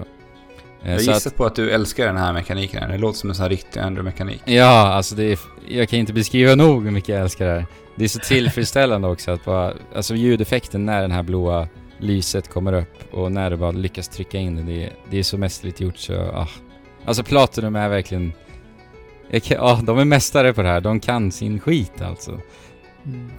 Eh, och det häftiga då, det, det du egentligen gör med huvudkaraktären, det är att du, du gör kombos för att komma åt de här synkattackerna. För att ett sätt att komma åt den som sagt var att trycka, bara peppra på höger axelknapp. Men det finns också Street Fighter inputs att komma åt andra. Så att det kan vara bak, fram, höger axelknapp. Gör en hel cirkel med vänster spak, axel, äh, höger axelknapp. Jaha. Och du kommer även åt synkattacker när du utför en perfekt undanmanöver. Vilket också känns nästan oförskämt härligt. Det blir lite så här Bayonetta-eskt då att tiden nästan så här stannar upp vid det tillfället. Så att det finns lite olika sätt att komma åt dem och de eh, beter sig också olika beroende på vilket vapen du håller i och vilken legion du använder. Mm. Så att, Djupet. ja, ni kan tänka er vad man kan göra i det där. Och sen har också varje legion två eh, luckor för eh, specialattacker. Och det finns eh, unika för varje legions och det finns också sådana som är universella. Eh, och de här är ju också superspektakulära och jätte, jättecoola. Och det är där också mycket utav den här eh, kreativiteten kommer fram i att hur du kombinerar liksom alla möjligheter som finns. Alltså det är ett så otroligt fritt stridssystem. Jag får väldigt mycket samma känslor när jag spelar Astro Chain som jag fick när jag spelade Doom 2016. På det sättet att du ständigt, alltid jonglerar med alla verktyg du har. Och eh, Mm. också bara det här att musiken är, eh, går lite åt samma håll. Det är pumpande på samma sätt liksom. Så att det, jag blir liksom på samma sätt så hypnotiserad av det här spelet. Och det är så här bara så himla njutbart när du hittar det där flödet. Mm. Det är där jag kan säga de här orden som att det här är ett av årets bästa spel. För att det är så, det är så oslagbart, den där känslan alltså. Och det, är- det är så här, när jag lyckas med de här sakerna, när jag får den här känslan, så är det nästan så här att jag vill, jag sparar ju sjukt mycket filmklipp i det här spelet. För att jag vill, jag vill nästan skrika till en vän bredvid mig i soffan och att titta vad coolt det här var. Som inte finns där. Så jag, jag har sparat så sjukt mycket klipp på coola grejer jag gjort i det här spelet. Så jag kommer typ pumpa Twitter på fredag när spelet släpps. med en massa videoklipp. Och släppa med dig switchen för att visa dina vänner Ja. i skolan kanske. Ja, eller hur? Ja men faktiskt, för det, det är, alltså jag hoppas ju att det här spelet gör, säljer bra liksom, så jag kommer ju visa det här för alla. För att det är typ, alltså ni måste väl ändå erkänna att det är ganska svårt att inte säga att det här spelet ser fruktansvärt häftigt ut om man tittar på det. Alltså om du tittar på, alltså combo-videos så ser hur stridssystemet funkar. Nej, jag tittar på det just nu. Jag, jag har ju bara sett um, det lite när det utannonserades och så. Mm. Eh, men jag kollar på det nu och det är ju verkligen... Jag vet inte riktigt vad man skulle kunna göra mer för att eh, landa bättre hos mig. Liksom. Mm. Det är så här hyperjapansk estetik, neon, Mm. eh, med, med liksom, eh, ska man säga, tung mekanik Mm. i spelet. Fast ändå inte, alltså. Nej men, Jag har ju lite kort, jag har ju lite kort, eh, vad säger man, eh, uppmärksamhetsspann. Så att till exempel Monster Hunter, som jag ändå tycker om väldigt mycket, Mm. är ju lite för mycket detaljrikedom för mig. Alltså det går för mycket på djupet i mm. eh, val- valmöjligheterna. Det här ser ändå ut som det är liksom eh, ganska rätt fram till hur man spelar den. Ja, valmöjligheten finns, verkligen. eh, att Verkligen. variera sitt spel. Och det är ju verkligen, ja, jag blir extremt sugen på att Ja. spela spelet när jag, när jag hör dig prata om det. Och det har jag kanske inte tänkt så mycket på egentligen innan. Eh, men det är ju någon slags så här, the world ends with you eh, möter Bayonetta-känsla Mm. på det. Så, och det låter ju som en ljuvlig kombo. Ja men det är verkligen, det stämmer verkligen det du säger för att alltså i grunden är egentligen stridssystemet väldigt simpelt. Alltså det är så här, du skulle absolut säkert kunna klara av spelet genom att bara göra den där kombo jag pratade om när du bara pepprar på, på höger axelknapp och lyckas göra den synkroniseringsattacken. Jag tror faktiskt helt ärligt att det skulle funka. Men liksom djupet och det roliga i spelet kommer i att bara leka med alltså den här enorma friheten som finns. påminner mig också om... ehm, Åh, nu tappar jag namn på det. Ett, eh, Gravity Rush. Ja just det. Just det. Eh, två specifikt Ja. till PS4 som jag spelat ganska mycket. Det är också, det är inte lika, Gravity Rush är lite ljusare kanske, men, Mm. men det är också den här eh, cell-shadade känslan kring eh, karaktärerna Mm. och eh, hyperstilistiskt. Mm. Ja, nej, det, det är fantastiskt alltså. Eh, och sen så finns det ju också så här... Jag berättade att man kan låsa upp lite olika förmågor för varje Legion också. Eh, specialattacker. Och det gör du genom ett färdighetsträd då. Eh, och det tycker jag också de gör väldigt bra för att jag berättade ju att spelet börjar väldigt simpelt. Du har en Legion, du har ett vapen egentligen. Eh, Men det, jag tror att jag hade blivit alldeles för överväldigad om allt bara hade funnits så att de sprinklar ju verkligen ut det otroligt bra med det här färdighetsträdet. Att du ständigt känner en, en progression. Och det gör också att eh, komplexiteten liksom ökar och du får idéer om hur du kan kombinera alla saker som du låser upp. Spelet uppmuntrar dig till att experimentera genom det också. Och i och med att du också använder en valuta för att låsa upp det så känner ju du också att ja men nu ska jag ju såklart använda den här. Eller prova på den här nya förmågan. Så att på det sättet så är det, ett, det alltså här är ett spel som använder färdighetsträd bra.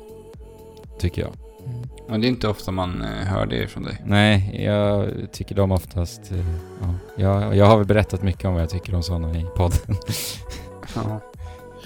Men eh, på tal om möjligheter att eh, skräddarsy sin upplevelse så kan man ju tydligen skapa sin egen karaktär också. Det trodde jag inte. Jag trodde det var en färdig karaktär vi Mm. fick spela med. Men det finns ju en karaktärseditor alltså. Ja, inte eh, utseendet sett till eh, ansikte och kropp. Men däremot kläder och förklädnad och hår. Hår, Ja. just det. Mm. Och ögonfärg också faktiskt. Mm. Och sen, Läppfärg verkar man kunna ändra också. ja det kanske man kan. ja, den är viktig. Det är mycket spel också, på tal om det. För att jag har ju klarat av spelet, men efter det så finns det ett litet endgame. Faktiskt. Jaså? Ja. Och det är väldigt trevligt, för att så fort jag var klar med det här spelet, då kände jag bara, jag vill ha mer, ge mig mer, jag vill spela mer. Men jag kan tänka mig att det här ger, när du har klarat av det här spelet så ger den här känslan av att du har lärt dig så mycket Ja. genom, du har, genom första genomspelningen. Att du vill testa dig, Mm. nu, nu vill du testa det, dina kunskaper som du har samlat på dig under genom, första genomspelningen. Definitivt. Hur du definitivt. kan leverera nu. Mm. Ja, nu får jag ju S plus rank på nästan varenda strid alltså. Jag känner ju Ja. verkligen att jag nästan börjar bemästra det nu. Men eh, i endgamet så, så stöter du faktiskt på en del utmaningar alltså.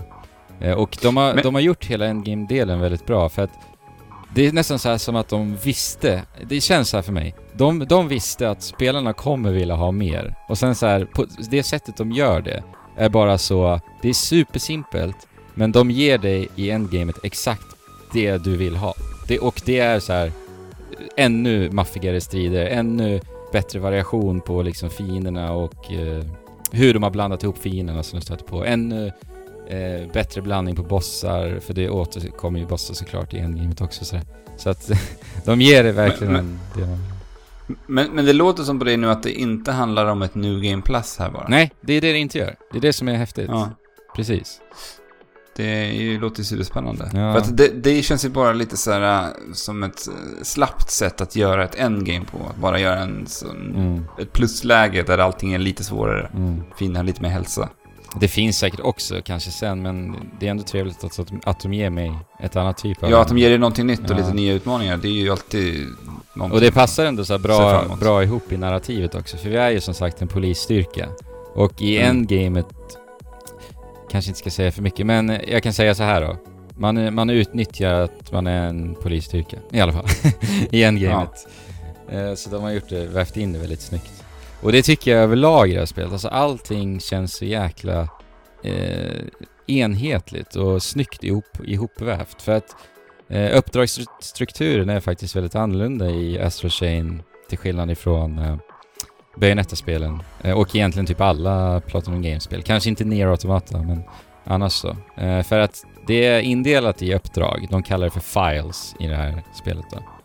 Eh, och inledningsvis i, i nästan varenda uppdrag så ska du eh, undersöka en brottsplats egentligen. Så det har hänt något un underligt liksom på den här platsen och så ska man nästan lite så här Batman Arkham Asylum-eskt så här undersöka lite vad som händer och sen till slut komma åt hotet så här. Med hjälp av din Integrated Reality Imaging System, gissar jag. Jajamän.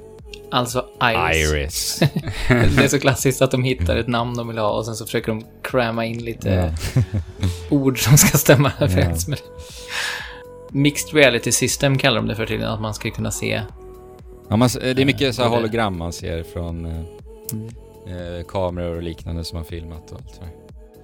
Eh, ja men precis, och eh, under de här momenten då där vi undersöker de här brottsplatserna så, så är det ju lite lågmält tempo. Eh, det är öppnare områden också, så det är inte här, så det är här jag menar att det är annorlunda ifrån deras tidigare spel. De flesta av deras tidigare spel, att det är eh, inte lika linjärt utan det är lite öppnare områden, det finns sidoaktiviteter faktiskt till och med också, sidouppdrag, eh, lite NPCer du kan prata med som behöver hjälp med saker och ting. På, på tal om det, för jag, jag funderar just på det. Hur är dialoger och eh, eh, röst... Är det röstskådespeleri i spelet, eller? Ja, det är det. Hur, hur är den? För jag ser, jag ser nu, jag kollar på en gameplay-video från eh, Treehouse, Mm. där NPCn Easily Scared Woman Ja. säger Whole lot of freaky stuff happening lately. det är inte jättestarkt. Ja. Nej men alltså, där tycker de också har träffat någon form av härlig balans alltså för att spelet tar ju sig inte på för stort allvar alltid. Utan Nej. det finns en väldigt så här härlig charm i det här spelet. Bara det, den saken att den här specialstyrkan, eh, polisspecialstyrkan som, som vi är en del av, den, de har ju en maskot som kallas för Lappy. som är en stor, stor teddybjörn. Och det, Lappys jobb är att bara ge ett leende till folket runt omkring Lappy. Och det, det är ju bara så här. Ja men ni vet så här japanskt, eh, charmigt på ett bra sätt. Eh, och det genomsyrar ändå faktiskt dialoger också. Där, där jag känner att det, det är så här mysigt att göra lite sidoaktiviteter. Och ändå ta mig tiden att läsa dialogerna. Hon fick sällskap av Easily Lost Man också såg jag. Den här Scared Woman. ja. De la ner mycket tid på att eh, namnge dem där alltså. ja. Men alltså, för jag tycker ju, alltså de här sidoaktiviteterna, jag gjorde alla jag kom över. För jag känner att de är inte djupa på något sätt. Och ja, jag kan förstå att man kan tycka att det är lite så här fillers. Men jag tycker faktiskt att de ändå kändes tillräckligt varierade. För att det de gör i de här sidoaktiviteterna är att de utnyttjar legions väldigt bra. För att de, till exempel så kan det vara ett sidouppdrag där du måste använda din arm legion som är en stor eh, muskulös eh, best liksom. Eh, att till exempel bära på containrar eh, som skyddar dig mot så här, inkommande stora eh, typ missiler säger vi för att ni ska förstå lätt. Eh, så ska du så här, hålla containern framför dig för att inte bli träffad och ta dig till en plats. Det liksom, kan vara ett sidouppdrag. Alltså det är som små, små så här miniuppdrag som ändå känns varierade för att de använder sig utav mekanikerna som är kring Legions liksom. Och det är ändå så här, det tillför ändå en liten variation, det är en liten andningspaus mellan alla strider. Så för mig så kändes det så här, ja, jag gör gärna de här och får någonting lite annorlunda och du får ju också en belöning såklart också. Eh, som gör att du också progresserar med din karaktär. Och det var någon, det var någon eh, sidouppdrag där man, det, det enda du skulle göra var att ta ner en ballong ifrån ett träd till en stackars eh, flicka som hade tappat sin ballong. Det är det är ju sånt polisen måste göra ibland också. Ja men eller hur? Så det, Ja. Sen finns det också katter att samla på. Eh, det finns ett litet katthem du har i polisstyrkan. Och det är också hemligt för eh, resten av polisstyrkan, det här katthemmet. Att du samlar på katter. Ja. och det är jättegulligt, så då mellan uppdragen så kan du gå och ge katterna mat och då droppar de ett litet föremål till dig också. Och så blir det alltid en liten mellansekvens när de äter sin mat. Eh, och sen ju fler katter du har så syns ju såklart fler katter i mellansekvensen också. och, ni vet, och ni vet katter som sitter som människor. Det är ju fantastiskt. Ja. Mm. Det finns en sån katt eh, på, den, på den här lilla platsen som sitter i en kartong. Jag har ju tagit en och annan bild på de där katterna. Alltså. Man, jag älskar dem. Det är någonting med katter och japanska spel. Ja, verkligen. Ja, det är det verkligen. Eh, Monster Hunter Ja. eh, till exempel. Ja, men en katt ser ju ut som min katt. Det gör ju det här spelet ännu bättre Ja, än vad jag har sagt. Eh, sen finns det en toalettfe också. Toalettfri. ja. Så att det finns toaletter på varje bana. Alltså katterna och nu toaletterna, det är lite så här collectibles i det här spelet skulle man kunna säga. Lite hemliga. Så du samlar på toalettfer också eller? Nej, du samlar på toalettpapper. Så att när du går till en toal- toalett så tar du med dig en toalettpappersbit. Och de här toalettpappersbitarna ska du ge till toalettfen som är på eh, polishögkvarteret. Var, varför vill hon ha dem då? Den, eh, den säger bara att ge mig toalettpapper. Och sen så när vi gör det så får vi lite, lite godis. Jag har, inte, jag har inte hittat alla, men jag vet att någonting kommer ske när man har hittat alla. Så det ser jag fram emot. Undrar vad de vill Ta- säga med det här egentligen? Ta, all, ta aldrig emot godis av en okänd tant på toaletten, skulle jag säga. Nej. Men i, jag, vet, jag vet att i Japan så har de ju ofta sådana här BD-toaletter. De använder inte ens toapapper. Nej, kanske de inte gör. I många fall. De har ju liksom så här vattenstrålar. Jag har inte som- analyserat Det är så här jätte, toaletterna i det här jätte spelet. high-tech toaletter som liksom sprutar rent där bak. Är, är det ett eh, rop på hjälp? eh, Att man vill ha toapapper eller är det tvärtom ett eh, kritik mot västerlandets eh, konsumtion av toalettpapper? Det kan ju Något vara något sånt. Något av dem. Äh, och spelet heter Astral. Ooh! Kan du- Just det. Ja. ja. Storyn är ju så här, ja, jag bryr mig inte så mycket.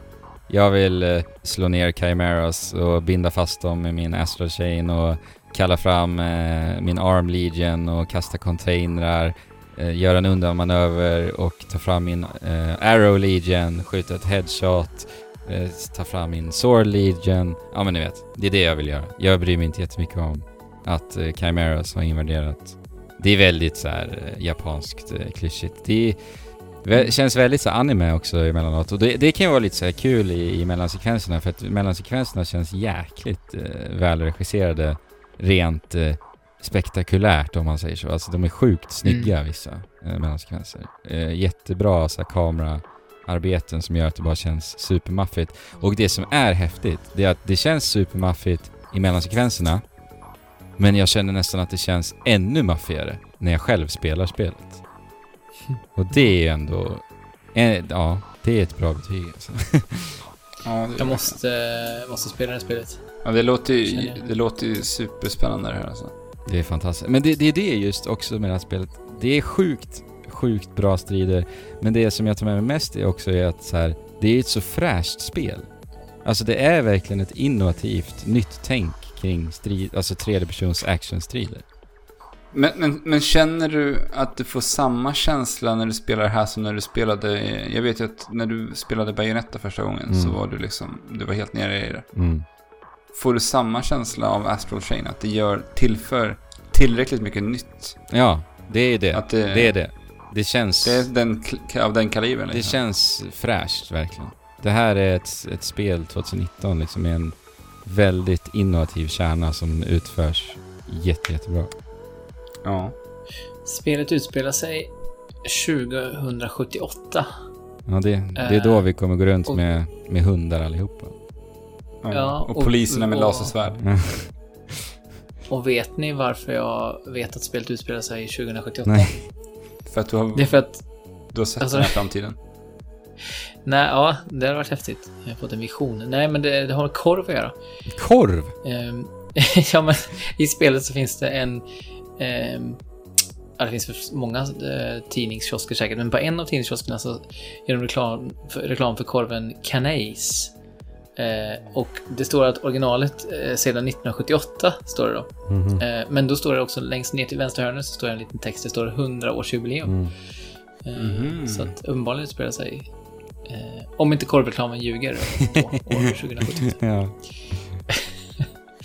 Bara en sån sak. Ja. Att man kan upptäcka, mycket att upptäcka i Astral Chains värld. Mm.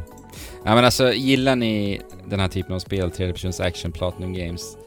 Alltså jag säger grattis, njut nu i helgen när det släpps, för det här är så in i helvete bra spel alltså. det, det, jag, Och jag njuter fortfarande, det, det är det som är saken också. Jag ju klarat av spelet och jag liksom längtat till att fortsätta spela. Så här, man blir fastbunden framför switchen med det här spelet. Man blir kedjad Ja, astralt. Switchen blir din legion. ja exakt. Du, du kanske till och med upplever det här eh, fenomenet då som, eh, som vissa påstår sig göra eh, astral projektion. Alltså att eh, ditt medvetande lämnar, alltså astralkroppen lämnar din fysiska kropp Mm. eh, och du Just kan det. uppleva saker i en annan dimension. Ja. Eh, vet ni vilken, eh, vilket organ som sägs eh, kunna utföra det här i kroppen? Det här är pseudovetenskap alltså. Så Nej. ja. Alltså, det, som sagt, det här är inte, det här är inte bevisad vetenskap, men det är pseudovetenskap. Mm. Eh, tallkott, tallkottkörteln i hjärnan. Okej. Eh, epifysen sägs. Ja. Eh, mm. Ja, var- men på tal om den andra dimensionen så vill jag också bara snabbt nämna att vi besöker ju den här andra dimensionen ibland i spelet också ju. Eh, Har ni ett namn eller? Astral Plane Jaha. kallas det. Bara astralplanet? Ja. Mm. Ehm, Namngivningen i det här spelet alltså. ja, verkligen. Hoppat Jesper. Och eh, den här platsen känns ju väldigt eh, främmande. Det här blir ju atmosfären väldigt, väldigt annorlunda. Jag, jag får lite Twilight Princess-känslor faktiskt. Ja, eller hur? Det tänkte jag också på när jag såg gameplayet. Ja, i hur världen känns här lite ur funktion nästan. Det man, man ser Glitchad. Ja, exakt. Man ser lite så hologram som liksom glitchar och, och musiken är väldigt så mystisk med kvinnliga körer som så lite ambient eh, låter i bakgrunden. Det låter ju låter exakt som... Eh, eh, vet du? Spelet du nämnde förut. Jag tappar alldeles för mycket ord nu när jag är trött. Eh, Bayonetta eller? Nej, utan eh, Yokotaro.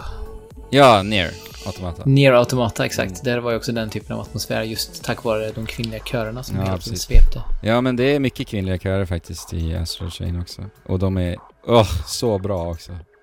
Men i Astral Plane så blir ju också spelet lite mer utav, eh, eh, eller det blir inte mer utav ett pusselspel, det ska jag faktiskt inte säga. Men här så får spelet ett lite så här eh, pusselfokus kombinerat med eh, strider enbart då.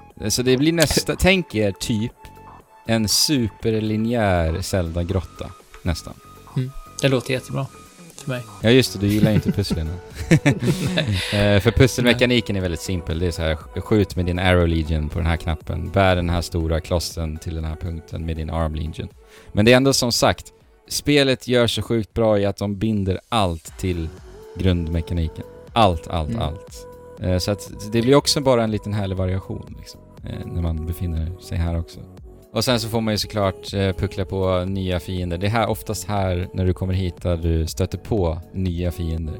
Och alltså jag har inte ens sagt hur jävla bra fiendedesignen är, för den är helt, helt fenomenal verkligen. Och det är också här, jag pratar ju om att spelet känns lite, jag får samma eufori som när jag spelar Doom, när jag spelar Astral Chain. Och det kommer ju mycket såklart ur fiendedesignen, för det är den som får mig att ständigt behöva eh, jonglera mellan alla legions. För att alla fiender är ju, eller du är ju supereffektiv med olika legions mot olika fiender. Och du, du lär dig liksom vilka som är mest effektiva mot vad, mot vilken fiende. Och det är, alltså det är så bra designat. Det, det märks att det här spelet har de speltestat så in i bomben. det är verkligen så jag känner. För allting känns så, så välgjort. Verkligen. Mm. Och även fiendedesignen estetisk gillar jag jättemycket. Alltså det är enorm variation. Enorm, verkligen. Det är alltid någonting nytt som lurar. Oj, oj, oj. Jag bara njuter så mycket. Ja, det ska, det ska bli jättespännande att se nu då, strax efter det här avsnittet släpps, vad resten av världen kommer tycka om det. För att Mm. om de är på samma våglängd som dig så är det ju 90 plus på Metacritic, om man nu ska gå efter Metacritic, men det är ändå någon form av Mm. Ja, re vi har. liksom. recensionerna släpptes idag. Det ligger på 88 nu faktiskt på Metacritic. Mm. Eh, ja, det är bra grejer alltså. Och jag tror att så här, gillar du, gillar du sådana spel? Alltså jag, jag har ju sagt det flera gånger förut i podden, men det är ju... Om det är så här att du, du måste välja en genre att spela i resten av ditt liv, då är det nog de här spelen jag skulle välja, faktiskt. Eh, så att jag älskar ju innerligt den här genren och för mig så är ju det här, som sagt, det är ett av årets bästa spel och det är ett av de bästa actionspelen den här generationen. Så att gillar du sådana här spel så kommer du ju total älska det. Men eh, får man inte nog av astrala ting och plan så kan man ju tipsa om eh, eh, bokserien då av Catherine Kerr som heter Ja, Silverdolken heter, heter den första boken. Mhm. Eh, som faktiskt eh, delvis utspelar sig på det astrala planet då, men mer i en fantasy-setting. Så att man kanske kan Mm. liksom... Eh, de här två kanske kompletterar varandra perfekt. En i en Mm. sci-fi-setting och en fantasy-setting. Det får man också väldigt mycket insyn i hur, det funkar med eh, liksom, skiftet mellan de här planen. Ja. Kanske får vi se det här astrala planet i Super Smash Bros Ultimate, vem vet? Och eh, om jag ska vara helt ärlig så är det, har det faktiskt gått och blivit lite av ett önskemål för mig nu också. Alltså tänk er att se just det här, att du är kopplad med en Legion i Smash. Det hade varit häftigt Det alltså. känns ju lätt att se framför sig tycker jag. Ja, jag tycker det också. Och de skulle ju passa in väldigt bra tror jag. Mm. Det går att göra mycket kul med. Jag har ju dragit mycket så här paralleller till Doom här när jag pratat om SOC, men det är just, det, det, mm, det är någonting som är lik, likheter här med Doom alltså. Men för att de har ju typ ett lite Glory Kill-eskt system också. Ni vet Glory Kill i Doom, där eh, din, demonerna lämnas immobila och då har du en chans att gå fram och göra en här avrättning och när du gör det så återfår du hälsa. Och det skapar ju bara ett helt otroligt flöde i det spelet. Och det finns faktiskt i det här också, att du kan göra en sån här avrättningsattack, en finishing move liksom. Eh, och den eh, koreografin när det sker är så här, ah, det är så snyggt. Då ser man hur du bara skickar iväg din Legion och så bara drämmer till i bröstkorgen på den här Chimeran och bara drar ut en sån här gene code kallar de det, det är någon form av, ja, någon mystisk kub som de har i sina bröst. Och den koreografin är så här super, super mäktig verkligen. Och det, det är ju så fantastiskt för att det kan bli jättehektiskt i det här spelet. Och när du ser att det, det, det kommer upp så här väldigt tydligt visuellt att du ska trycka på A för att utföra det här. Då är det så skönt för att då får du ju den här andningspausen. Och det är det jag också gillar väldigt mycket med eh, Glory Kill-systemet i Doom. Att du äntligen bara lit, för en liten sekund kan andas och också observera runt omkring dig vart du ska ta vägen näst liksom. Mm. Så det handlar, alltså striderna i Assassin är också väldigt mycket om positionering och att så här, eh, vara uppmärksam på vart din Legion alltid befinner sig. För att ibland så kan du nästan så glömma bort vart din Legion tog vägen för att Legionen attackerar ju automatiskt när den är ute. Men du bestämmer ju vart den ska skickas med ja, den vänstra axelknappen. Och det kan du också använda för att grappla dig till din Legion. Så du kan Mm. skicka iväg din Legion och också så här dra dig själv mot den. Och det är också helt fantastiskt härligt. Eh, så det är lite plattformshoppande i och med det också. Eh, och det är väl också en så här superliten eh, detalj, eller superliten petitess som kanske kan vara lite småfrustrerande. Och det är faktiskt plattformsmomenten. Eh, där jag, ibland kunde känna så här att det kändes lite väl sladdrigt just i plattformsmomenten. Men det är bara en sån här extremt liten petitess egentligen i, i det stora. Så eh, ja, de här finishing movesen alltså, det är, de... Ja men det, det är så genomtänkt alltså, allting. Det är uppenbarligen en av årets största rekommendationer från ditt håll. Det, Ja. det hörs ju på långa vägar. Ja men det, just att det känns som en så fräsch upplevelse också. Det är verkligen någonting, någonting annat där. Det är inte bara... Alltså jag älskade Devil May Cry 5. Jag tyckte det var helt, helt otroligt bra också. Men det var ändå väldigt mycket Devil May Cry liksom. Men det här känns ändå verkligen unikt. Och det är alltid härligt med nya serier från Nintendo också. Ja jäklar, deras eh, relation med Platinum alltså. Det, den är hälsosam. Det har vi inte sagt tror jag, men det är väl Switch-exklusivt detta spelet. Ja just det, nej precis, det har jag inte sagt. Eh, för jag såg någon som sa att det här var den bästa nya spelserien på en Nintendo-konsol sen Splatoon. Ja, det, jag får nästan hålla med utan att ens tänka på vad som har kommit, men ja. ja det, är, det är nog lite så faktiskt. Och sen är det så här häftigt att vi får det här innan Bayonetta 3 ändå. Det här visste vi inte ens om i början av året. Och sen får vi ett skitbra Platinum Games-spel innan Bayonetta 3 som vi visste om, liksom. Mm. Så... Nej, nu ska jag inte prata mer om det här. Det här är helt otroligt bra. Spela det nu på fredag. Särskilt om du gillar den här typen av spel. Mm. Och äntligen ett eh, bättre spel som kan axla initialerna AC än eh, Assassin's Creed. Ja, just det.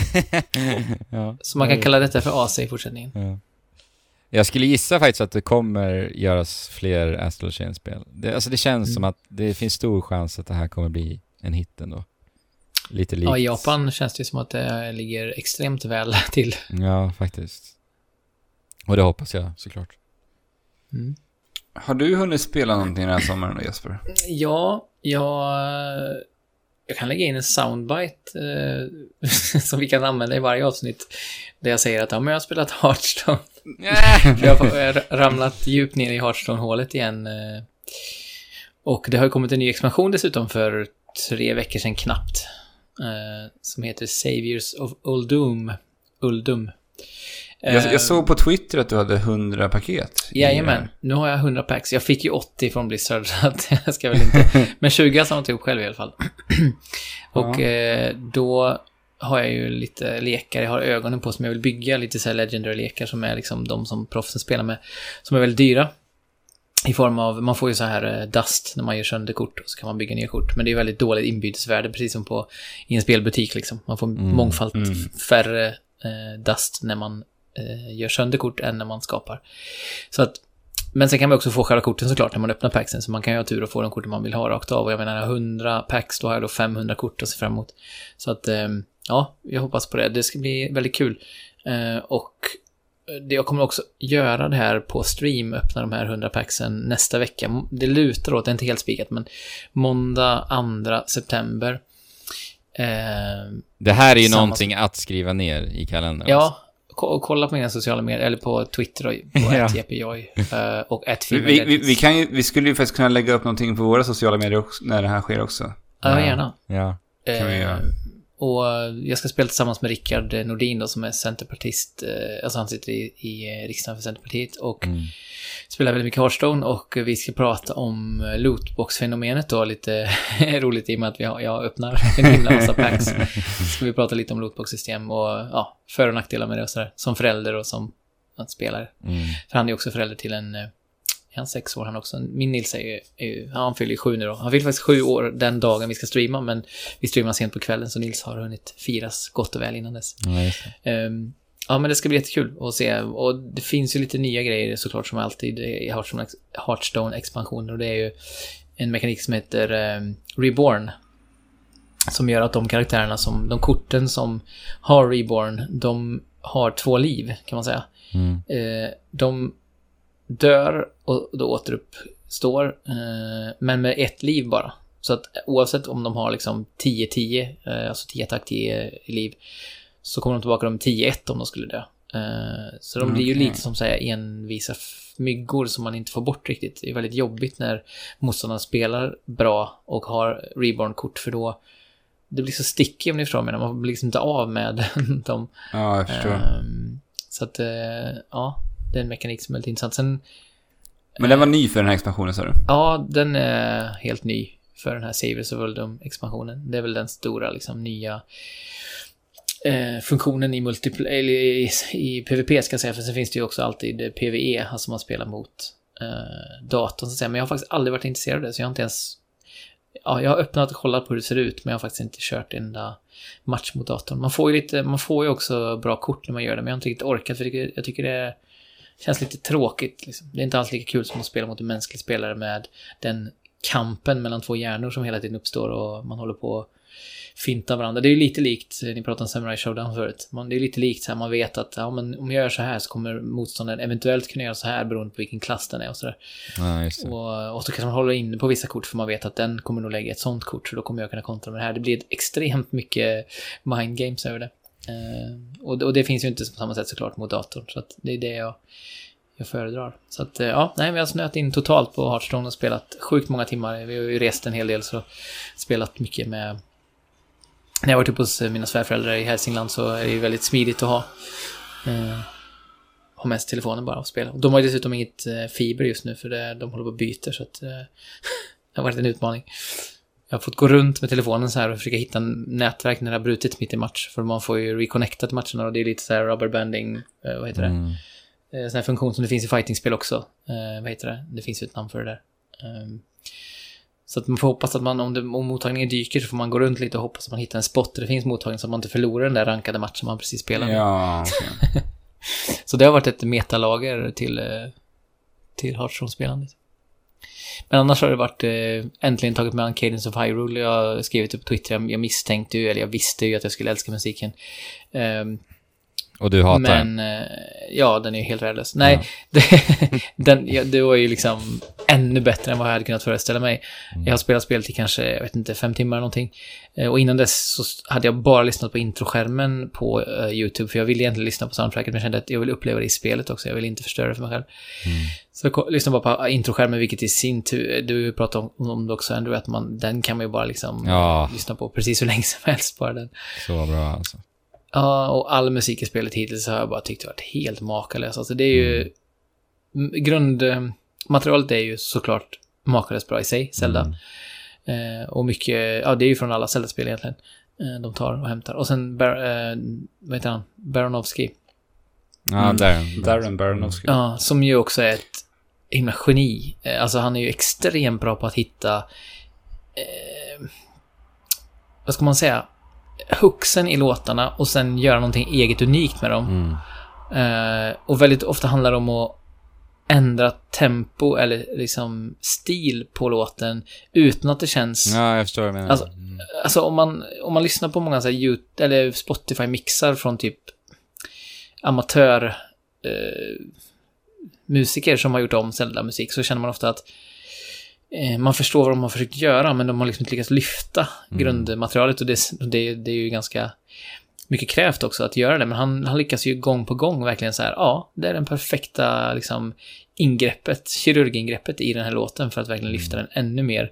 Eh, ja, jag är he- helt blown away av hur bra musiken är och gameplayet är ju också roligt men väldigt sekundärt tycker jag till musiken som Ja. är verkligen upplevelsen. Sen har problemet med joycons också som håller på att drifta så att det är lite störigt att ibland så... Nej, har du det Eh, problemet? ja, så ibland Oj. så mm, bry- bryts liksom en, eh, eh, en eh, kedja jag har Mm. eh, igång för att joyconen bestämmer sig för att hopp- hoppa uppåt utan att jag har tryckt på den. Så det är lite frustrerande. Men jag ska skicka in till? Bergsala. Vad är, vad är det för problem? Är det att de är disconnectade eller? Nej, den, den driftar så att den liksom tryck, gör input som jag Ja, inte ja, gör. okej. Eh, Ja, ja. Det har ju blivit ett sups... Alltså det har ju lyfts upp mycket det där problemet nu på senaste Mm. jag sett. Jag ska skicka in det till Bergsala nu eh, vilken dag som helst tänkte jag och få det fixat för det har verkligen, det har blivit värre med de här gångna månaderna också. Så att, Mm.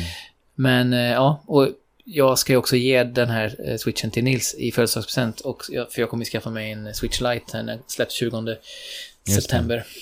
Alltså du väljer att gå helt handhållet alltså? Ja, jag spelar ju, jag sa det till Andrew förut idag här, jag spelar ju Switch 90% minst eh, handhållet. Jag spelar nästan aldrig dockat.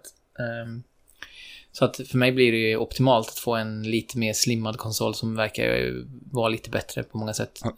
Eh, Förutom just, alltså prestandamässigt är den ju inte bättre men... eh, den Har du, bestämt dig för, har du bestämt dig för vilken färg du kommer Nej, gå på? det är det som är det luriga. Alltså jag, min Switch nu är ju grå. Alltså jag har ju inte några färgade joycons. För jag tycker att det är lätt att tröttna på pastelligt och att det känns lite så här.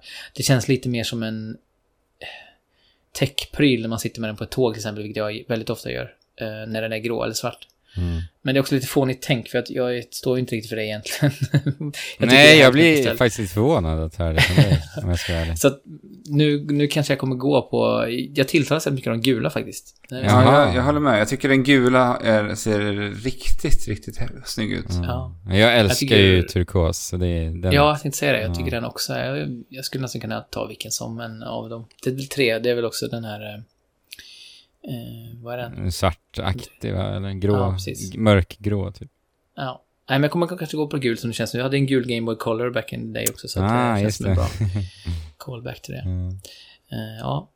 Nej, och sen är det väl egentligen bara för min del eh, någon slags märklig... Eh, vad säger man? Kvicksand jag hamnat i av att jag plötsligt ska spela World of Warcraft eh, Classic som släpps, eh, as we speak här, släpps eh, natten till, till tisdag.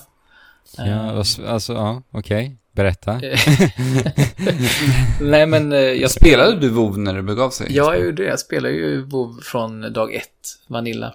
Kul. Eh, och spelade i några månader, men slutade när jag märkte att det var väldigt mycket så här, nej men så här ska du spela spelet. Då, då, då blev en med, med liksom stor av, avtändande effekt för mig att folk var så här, nej men du måste späcka så här och så här och du måste göra det här och det här.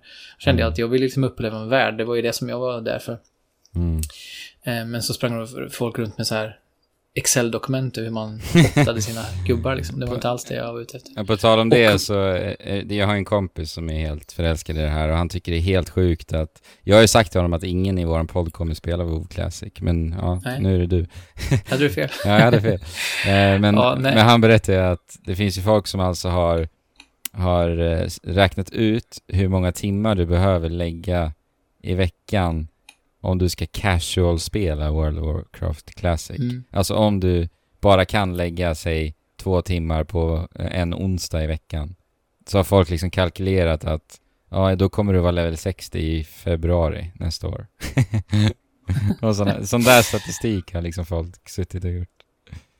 Ja, nej men jag vet hur det kommer bli också. Jag har fått speltid, ett, ett års speltid av Blizzard, så det är ju generöst. Men ehm, jag kommer ju spela lite grann med mina två kompisar som... Alltså jag hade en... Min tyska kompis som bor i Sverige, har bott i Sverige länge, men han är född i, Östtyskland och har upplevt Östtyskland innan murens fall också. Mm. Vi bodde ihop ett tag. Han... Eh, vi spelade ihop då, också för länge sedan. Det släpptes 2006 var det väl? Ja, Ehm, ja, det var mm. Eh, och eh, han råkade vara hälsa på mig här, han bor i Gävle nu, han var hälsade på mig, han och hans familj. Så gick vi till en annan kompis som också spelar WoW eh, och då började de prata om så, ah men Classic och bla bla. Satt de länge i soffan och pratade typ en, en timme om World of Warcraft och så kände jag, "Ah, jag blir lite sugen att få spela. och så, ja, så nu sitter jag där och de vi ska joina samma server tänkt i veckan och så. så att, men jag kommer ju spela lite grann och sen kommer jag lägga ner det. Men det är väldigt mysigt. Alltså det är ju så verkligen. Eh, det är förknippat med väldigt mycket mys. Så att, ja. Men, men, men ser det här spelet ut som det gjorde när det släpptes? Eller har de gjort liksom grafiska uppdateringar på Alltså, det här de, spelet? de har gjort det med World of Warcraft. De har gjort en väldigt stor asset-uppdatering för, ja, det är ganska många år sedan nu, men som såklart många hatade för att eh, MMO-spelare är extremt eh, konservativa. Eh, men det här har man ju rullat tillbaka nu i Classic. Alltså allting är exakt så som du minns det från och med patch 1.12. Eh, Okej, så det, det är liksom samma, text, samma stor, texturer som vi såg då också? Ja, och eh, Drums of War heter den patchen och anledningen till att de gör så, att de tar tillbaka liksom, ja men som du säger, texturer och hur spelet funkar och allting just till den punkten var för att Vanilla WoW var som bäst då, tycker de själva. Alltså då var det, alla features var där, det var bra balans och så. Så att de går tillbaka liksom, så som spelet släppt var då, eh, närmare bestämt 22 augusti 2006. Så det är alltså i princip nästan exakt 13 år sedan. Mm. Eh, Ja. Det är lite fascinerande i sig. Ja, det är faktiskt. Eh, Och det här är också för att så många har spelat på illegala custom-servrar där man har Just liksom det. rullat tillbaka tiden till, till just eh, innan första expansionen. Ja, men det, det är så sällan man får se den typen av remakes och återsläpp. Ja. Det liksom ska se ut som det gjorde förr. Ja. Alltså det, när vi ser remakes idag så vill vi alltid se en uppfräschning i, i den grafiska stilen. Mm. Ja, och inte bara det grafiska, utan jag menar, det finns ju väldigt mycket i World of Warcraft som har blivit extremt mycket mer väldesignat med tiden eh, och, och följt med liksom att utvecklas med tiden. Mm. som spelbranschen har gjort. Men det innebär ju också att mycket av det som många spelare tyckte om från början, det vill säga att det krävdes eh, en viss insats av spelaren, det har ju försvunnit. Alltså nu är det ju, nu, nu går du upp i level bara du liksom tittar på en NPC i spelet typ. Alltså det har ju blivit extremt lättillgängligt eh, på många sätt, World of Warcraft. Och för att just, ja, när de tappar spelare så försöker de liksom att få in nya spelare och då behöver de göra en, onboard, en onboarding-process som är liksom lättare, så det förstår man ju. Men, men då är det ju även så att i det gamla spelet då, så får man inte sin mount förrän, vad är det, level 40 eller någonting sånt? Level 30-40. Och då, innan dess, så, så får du gå överallt liksom. Ta extremt långt. Och du kan ju rida på de här griparna då, eh, men det, de är ju vid eh, specifika punkter på kartan bara du kan gå till. Och betala för att få rida på dem och så. Så att bara att röra sig över kartan är ju enormt mycket mer tidskrävande och Ja. långsamt i, i WoW eh, Classic än vad det var i, än vad det är nu i, i Battle for Azeroth, som det senaste Mm. expansionen heter på. I, Ja. vad, ska man, vad ska man säga? Nu blir det liksom i nya WoW, jag vet inte, det, terminologin blir väldigt märklig, men så att ja, ja och vi får väl se. Alltså många har ju sagt att det är det här vi vill ha, så får man se om det verkligen är det, för det är ju Ja, liksom ska bli- 13 år gammal spelmekanik som de får Ja, till sig. spännande faktiskt att se och hur det Ja. tas emot. Mm. Ja, det ska bli kul att testa. Mm. Ja, jag har egentligen bara spelat ett enda spel hela sommaren. Och det är ju Dr. Mario World som släpptes här i somras. Mm. Just det. Eh, Nintendos, eh, vad är det nu? Det är tredje spel de släpper. Mobilspel. Tredje Fire mobilspel. Fire In, inte Emblem- deras tredje spel. Tredje mobilspel. eh, Nej, Mario, Fire Fire- Emblem, Animal Crossing och nu Dr. Mario. Ja, så fjärde. Och sen kommer ju Mario Kart här förmodligen senare Det i år. skulle ju komma i sommar ju. Skulle inte det? Ja, det skulle det. Jo, de hade en beta ute i våras vet jag i alla fall. Mm. Men det var bara i Jap- Japan va? Betan alltså. det kan- det kanske det var. Mm, vet inte. Jag har för mig att det i Jag, jag för mig att det var några i sociala medier jag såg som spelade den här, men de kanske hade lyckats eh, roffa åt sig en från japanska servrar. Jag frågade Patrik på Bergsala och jag har för mig att hans svar var att det bara var i andra regioner i alla fall. Men, ja, Patrik på det Bergsala. ja. Eh, även Dr. Mario World har jag spelat i alla fall. Jag är ju ett eh, riktigt stort Dr. Mario-fan. Jag, jag har ju till och med de här tre basiluskerna tatuerade på min arm. Så Just det. Just det. jag, eh, jag älskar ju Dr. Mario. Och jag gick in här och eh, bashade ganska hårt på Dr. Mario. Dr. Mario World i början för att det inte var det är Dr. Mario World. Det, det är Dr. Mario som jag vill ha. Ja. Utan här, här har de gjort om lite grann. De har vänt upp och ner på banan så istället för att de här pillerna faller ner, upp, nerifrån, äh, uppifrån ner.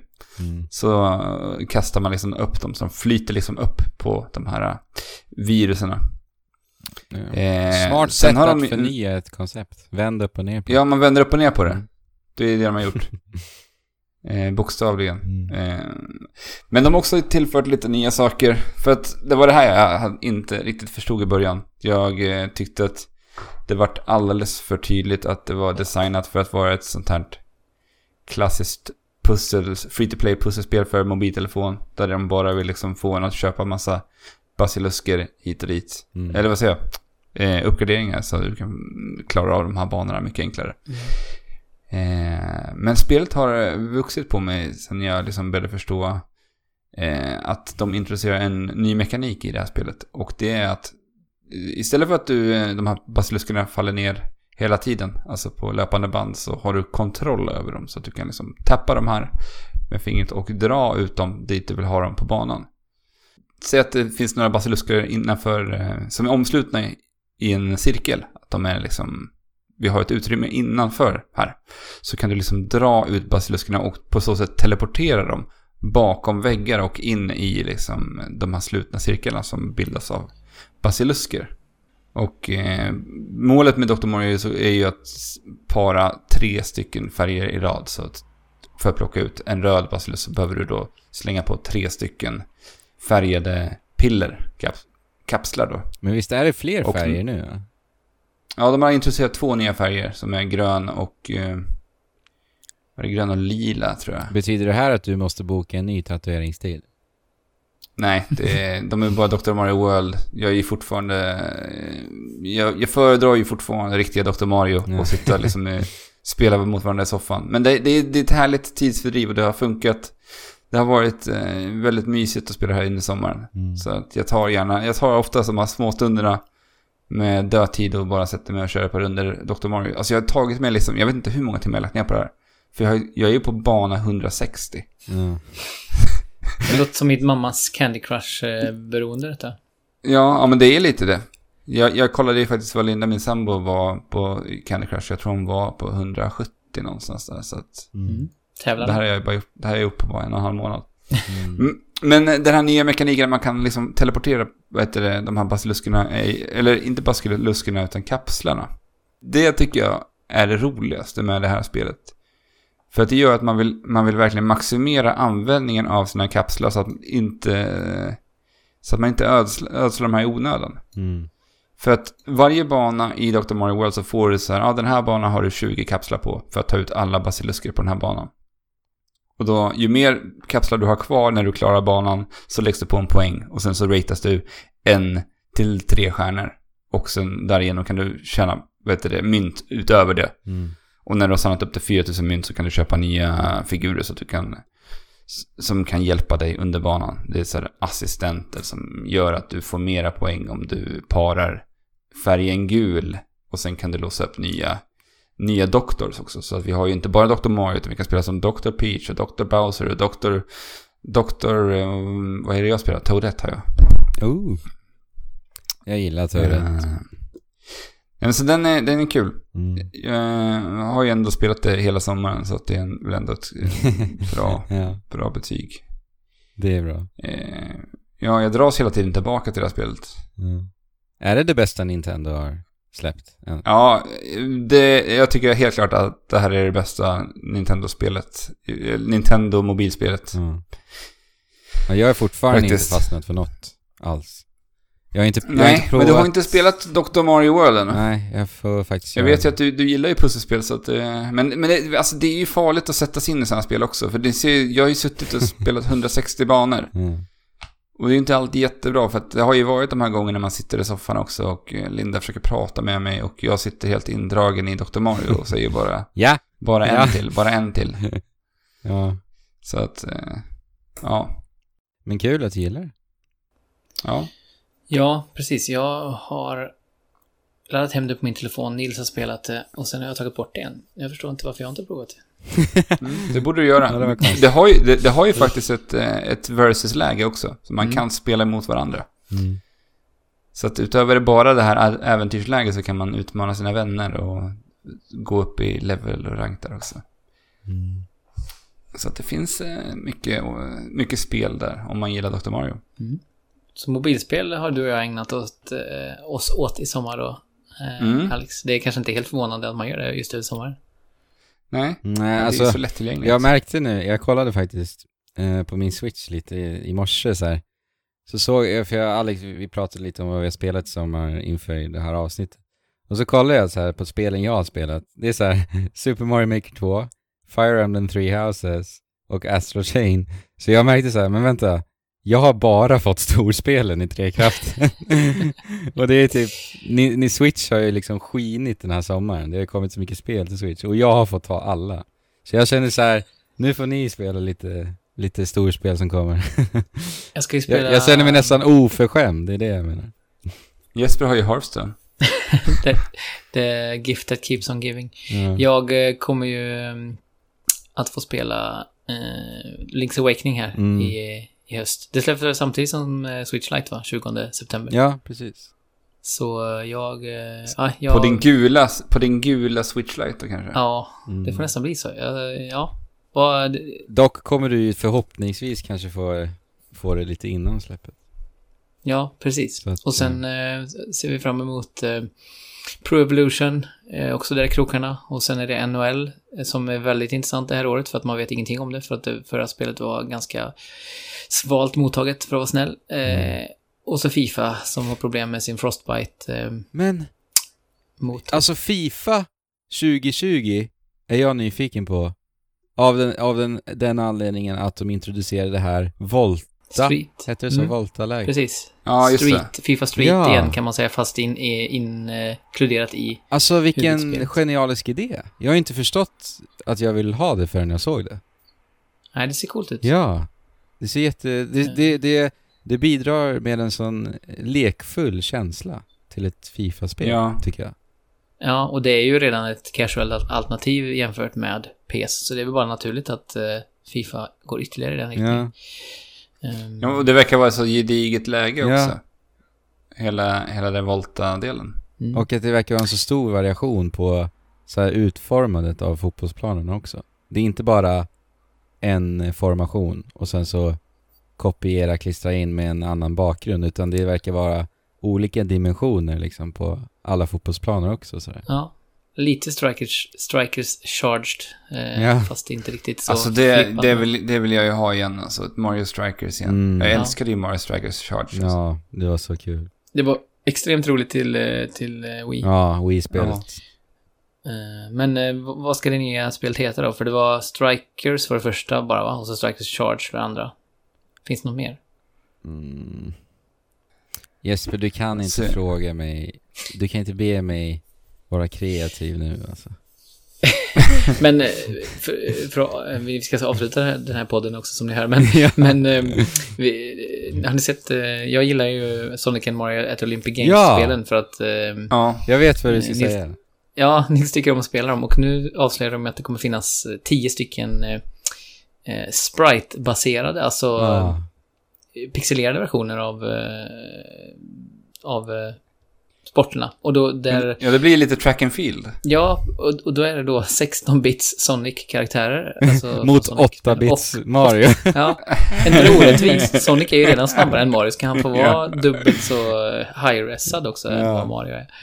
Orättvist. Men, men vad udda att de har 16-bits Sonic, för han, det finns ju en 8-bits Sonic också. Ja, jag vet inte riktigt om det är någon deal där. Men det vore konstigt att de inte har liksom synkat det. Att antingen de, ja, om de inte får loss de assetsen, vilket de verkar konstigt, så kan de väl åtminstone då köra med, 16-bits med Mario. Mario i 16 bit Ja. Men nej, jag vet inte. Och, mm, ni kan också kolla in Paralympics, eh, eh, vad ska man kalla det, trailern för eh, Paralympics som släpptes här, jag tror det var idag. Eh, extremt snygg, också väldigt eh, spel, spelifierad trailer. okej. Alltså, en trailer för Paralympics spel. Nej, nej, alltså Paralympics, IRL Paralympics i London. Ja, nästa, eller ja, i, okej. i Tokyo menar jag, nästa Det, sommar. jag, jag börjar bli trött i huvudet nu, alltså jag bara... en, Det hade i och för sig varit rikt, riktigt mäktigt om de hade inkluderat vissa Paralympics-sporter i ett OS-spel. Det borde inte vara så svårt. Eh, Det skulle vara Nej, ett, ett, det är ett coolt koncept. verkligen. ja. Men jag Men tycker... det känns som att det hade varit rätt i, i tiden att göra det liksom. Ja, exakt. Inkluderingstänket når ju längre och längre fram och då skulle det vara naturligt att göra även ett spel som där man kan spela en paralympier också. Mm. Men Ja. är du sugen på Mario and... Eller? Ja. Jag spelar alla de spelen. Eh, Jag tror Jaha. att jag äger alla också. Men då kanske det blir du som får ta det för trekrafterna. Ja, vi får se. Eller så försöker vi komma samman. eh, Ja. Det är ju för sig spela ett sånt spel, ja precis. Ja, det vart ett ganska långt och matigt första avsnittet efter det här sommaruppehållet vi har haft. ja, jag firar genom att kasta min telefon i marken igen. Igen. För andra Stack gången. den här gången ja. Nej, jag vet inte. det, det är det värt i så fall. Ja, Du vill ju det spräcka. kan vi tillbaka. verkligen hoppas. Men eh, oss kan ni såklart nå genom att klicka på länkarna som vi har i beskrivningen där det finns länk till både Instagram, Facebooken och eh, vår Discord. Allt kan ni hitta där. Och Twitter. Ja. Och Twitter. Skulle lika gärna säga den sista när du ändå sa tre. Ja, exakt. Och så får vi såklart eh, uppmana er att eh, ansluta er till vår Discord-kanal. För att eh, det, är, det är så himla härligt att se att det är, det är så många aktiva som är där och skriver dagligen. Ja. Alltså, Det, vi sa ju det här i somras, Alice. Det är ändå en fin känsla att se att vi har skapat ett litet Discord-community som lever för sig självt. Alltså det, ingen av oss har ju varit så här jätteaktiva egentligen nu Nej. under sommaren. Utan, men det lever på ändå. Det är, Ja, ja. jag håller bara till i kanalen som heter eh, Gissa spelet på bilden. eh, ja. där ser jag dig Jag- Micke. Ja. det, Jag, det, jag, brukar alltid gå in och, jag brukar alltid gå in och kolla där vad som händer där. För det är alltid kul att se vad det är för spel som dyker upp. Och jag såg att det var någon gång som du då hade svarat rätt på en av de här bilderna. Ja, alltså jag, när jag väl går in för det så brukar jag kunna vara... Jag har ganska bra så här minne att plocka upp namn. Det har jag alltid liksom haft, att vi quizar och sånt också. Jag kan liksom hitta konstiga namn som jag inte riktigt har tänkt på på ett 20 år liksom. Eh, Så det passar mig.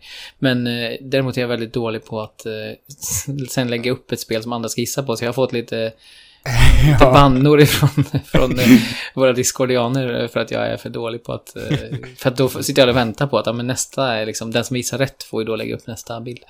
Ja, för jag tror att det var typ så här 24 timmar det tog innan du ens svarade. Sen tror jag Ja, att det var bara någon som valde ger de att... upp. Ja, precis, ger upp. Men, men vi, är, vi är väl en fyra, fem stycken som är väldigt aktiva där. Det är väldigt mysigt. Ja. Ja.